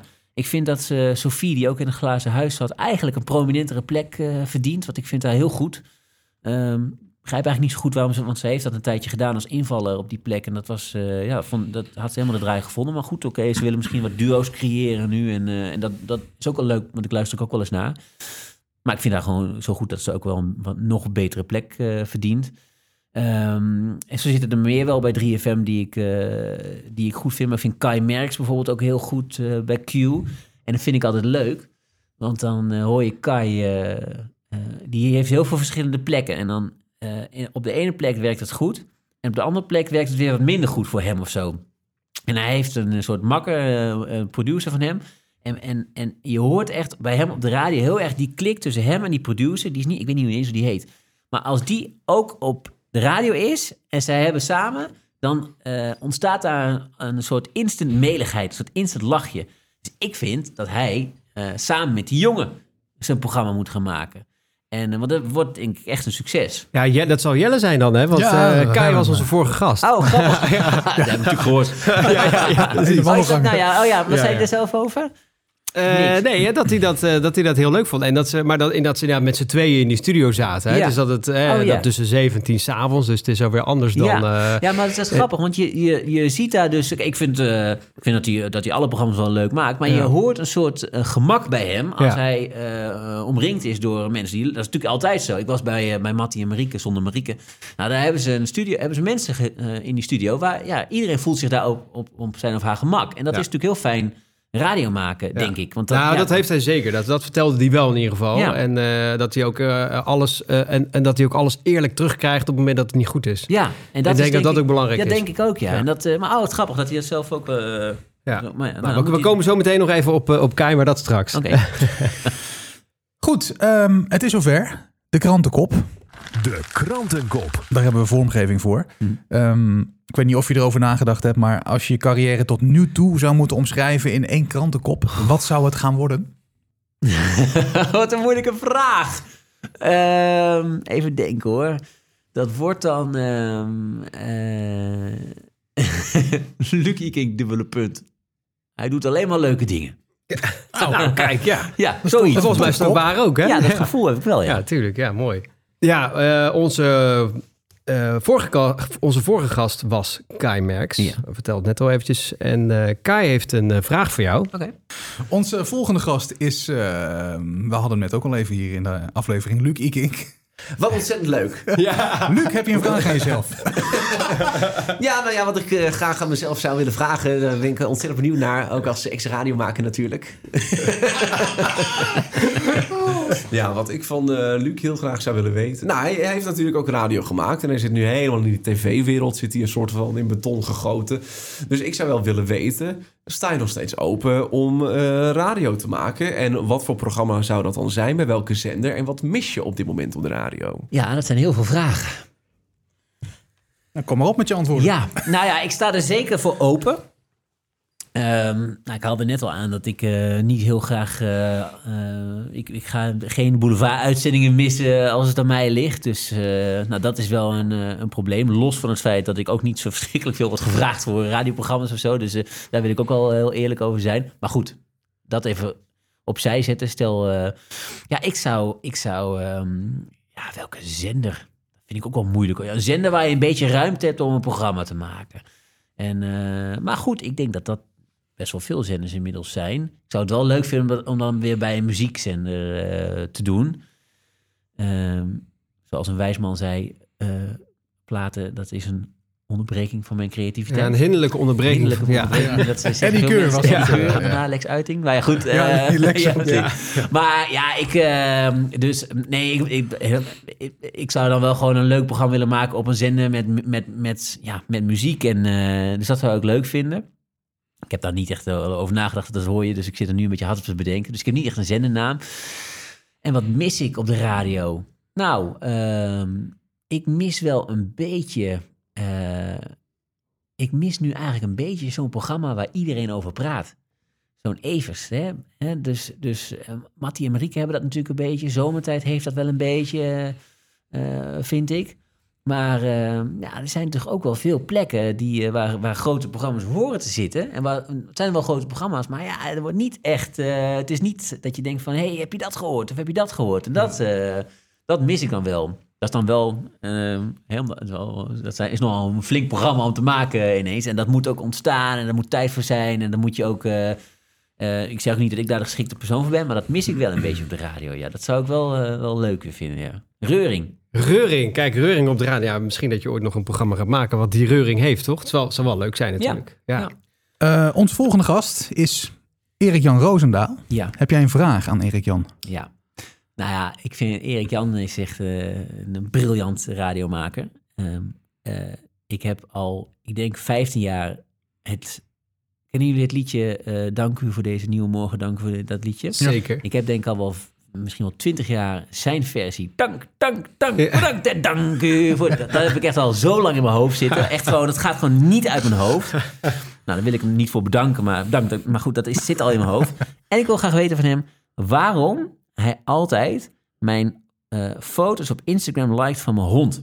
Want elke keer als ik dat doe, ik maak een foto en hij liked dat. En ik weet gewoon niet of hij, dat nou, of hij het nou serieus een leuke foto van mijn hond vindt. Of omdat hij mij in de maling neemt en mij zit te jennen. Dat wil ik weten. Maar dat zijn de enige foto's. Voor de rest lijkt hij niks. Alleen van je hond. Ja, hij lijkt altijd dingen als ik het gezellig heb in mijn leven met mijn hond, of met- dan lijkt hij dat. Maar ik denk, ja, hij is niet een persoon die dat. Ik denk dat hij, hij zit mij gewoon uit te lachen met zijn likes. Dat denk ik. Hij zit je te fucken. Hij zit me te Oh, fucken. wel heel leuk. We gaan ik de ben vragen aan. heel benieuwd wat hij daarop zegt, inderdaad. Ja. Nou, dankjewel daarvoor. Ehm, ja, de laatste vraag, daar zijn we aangekomen. Tenminste, eh, toch? We hebben ze meegenomen, denk ik. Hè? Ja, zeker. Zeker. We gaan eh, grijpen naar eh, de wijn. Ehm, ja, wit of rood is dan de laatste vraag. Nou, doe maar rood. Het is winter, hè? Kijk, Dan ga ik voor de rood. een flesje rood komt tevoorschijn Nou, uit, het, uit het kratje. Jens, dankjewel. Lekker. Luc, eh, heel veel eh, dank voor je openheid, je mooie verhalen en eh, je deelname aan de broadcast. Ja, gedaan. Vond het leuk. Dat is leuk altijd, hè? Lekker praten over het vak.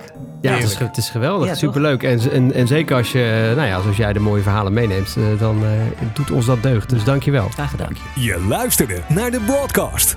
De podcast over radio en televisie in Nederland. Volgen doe je ons op de socials. En vergeet je niet te abonneren via de diverse streamingsdiensten. Graag tot de volgende Broadcast. thank you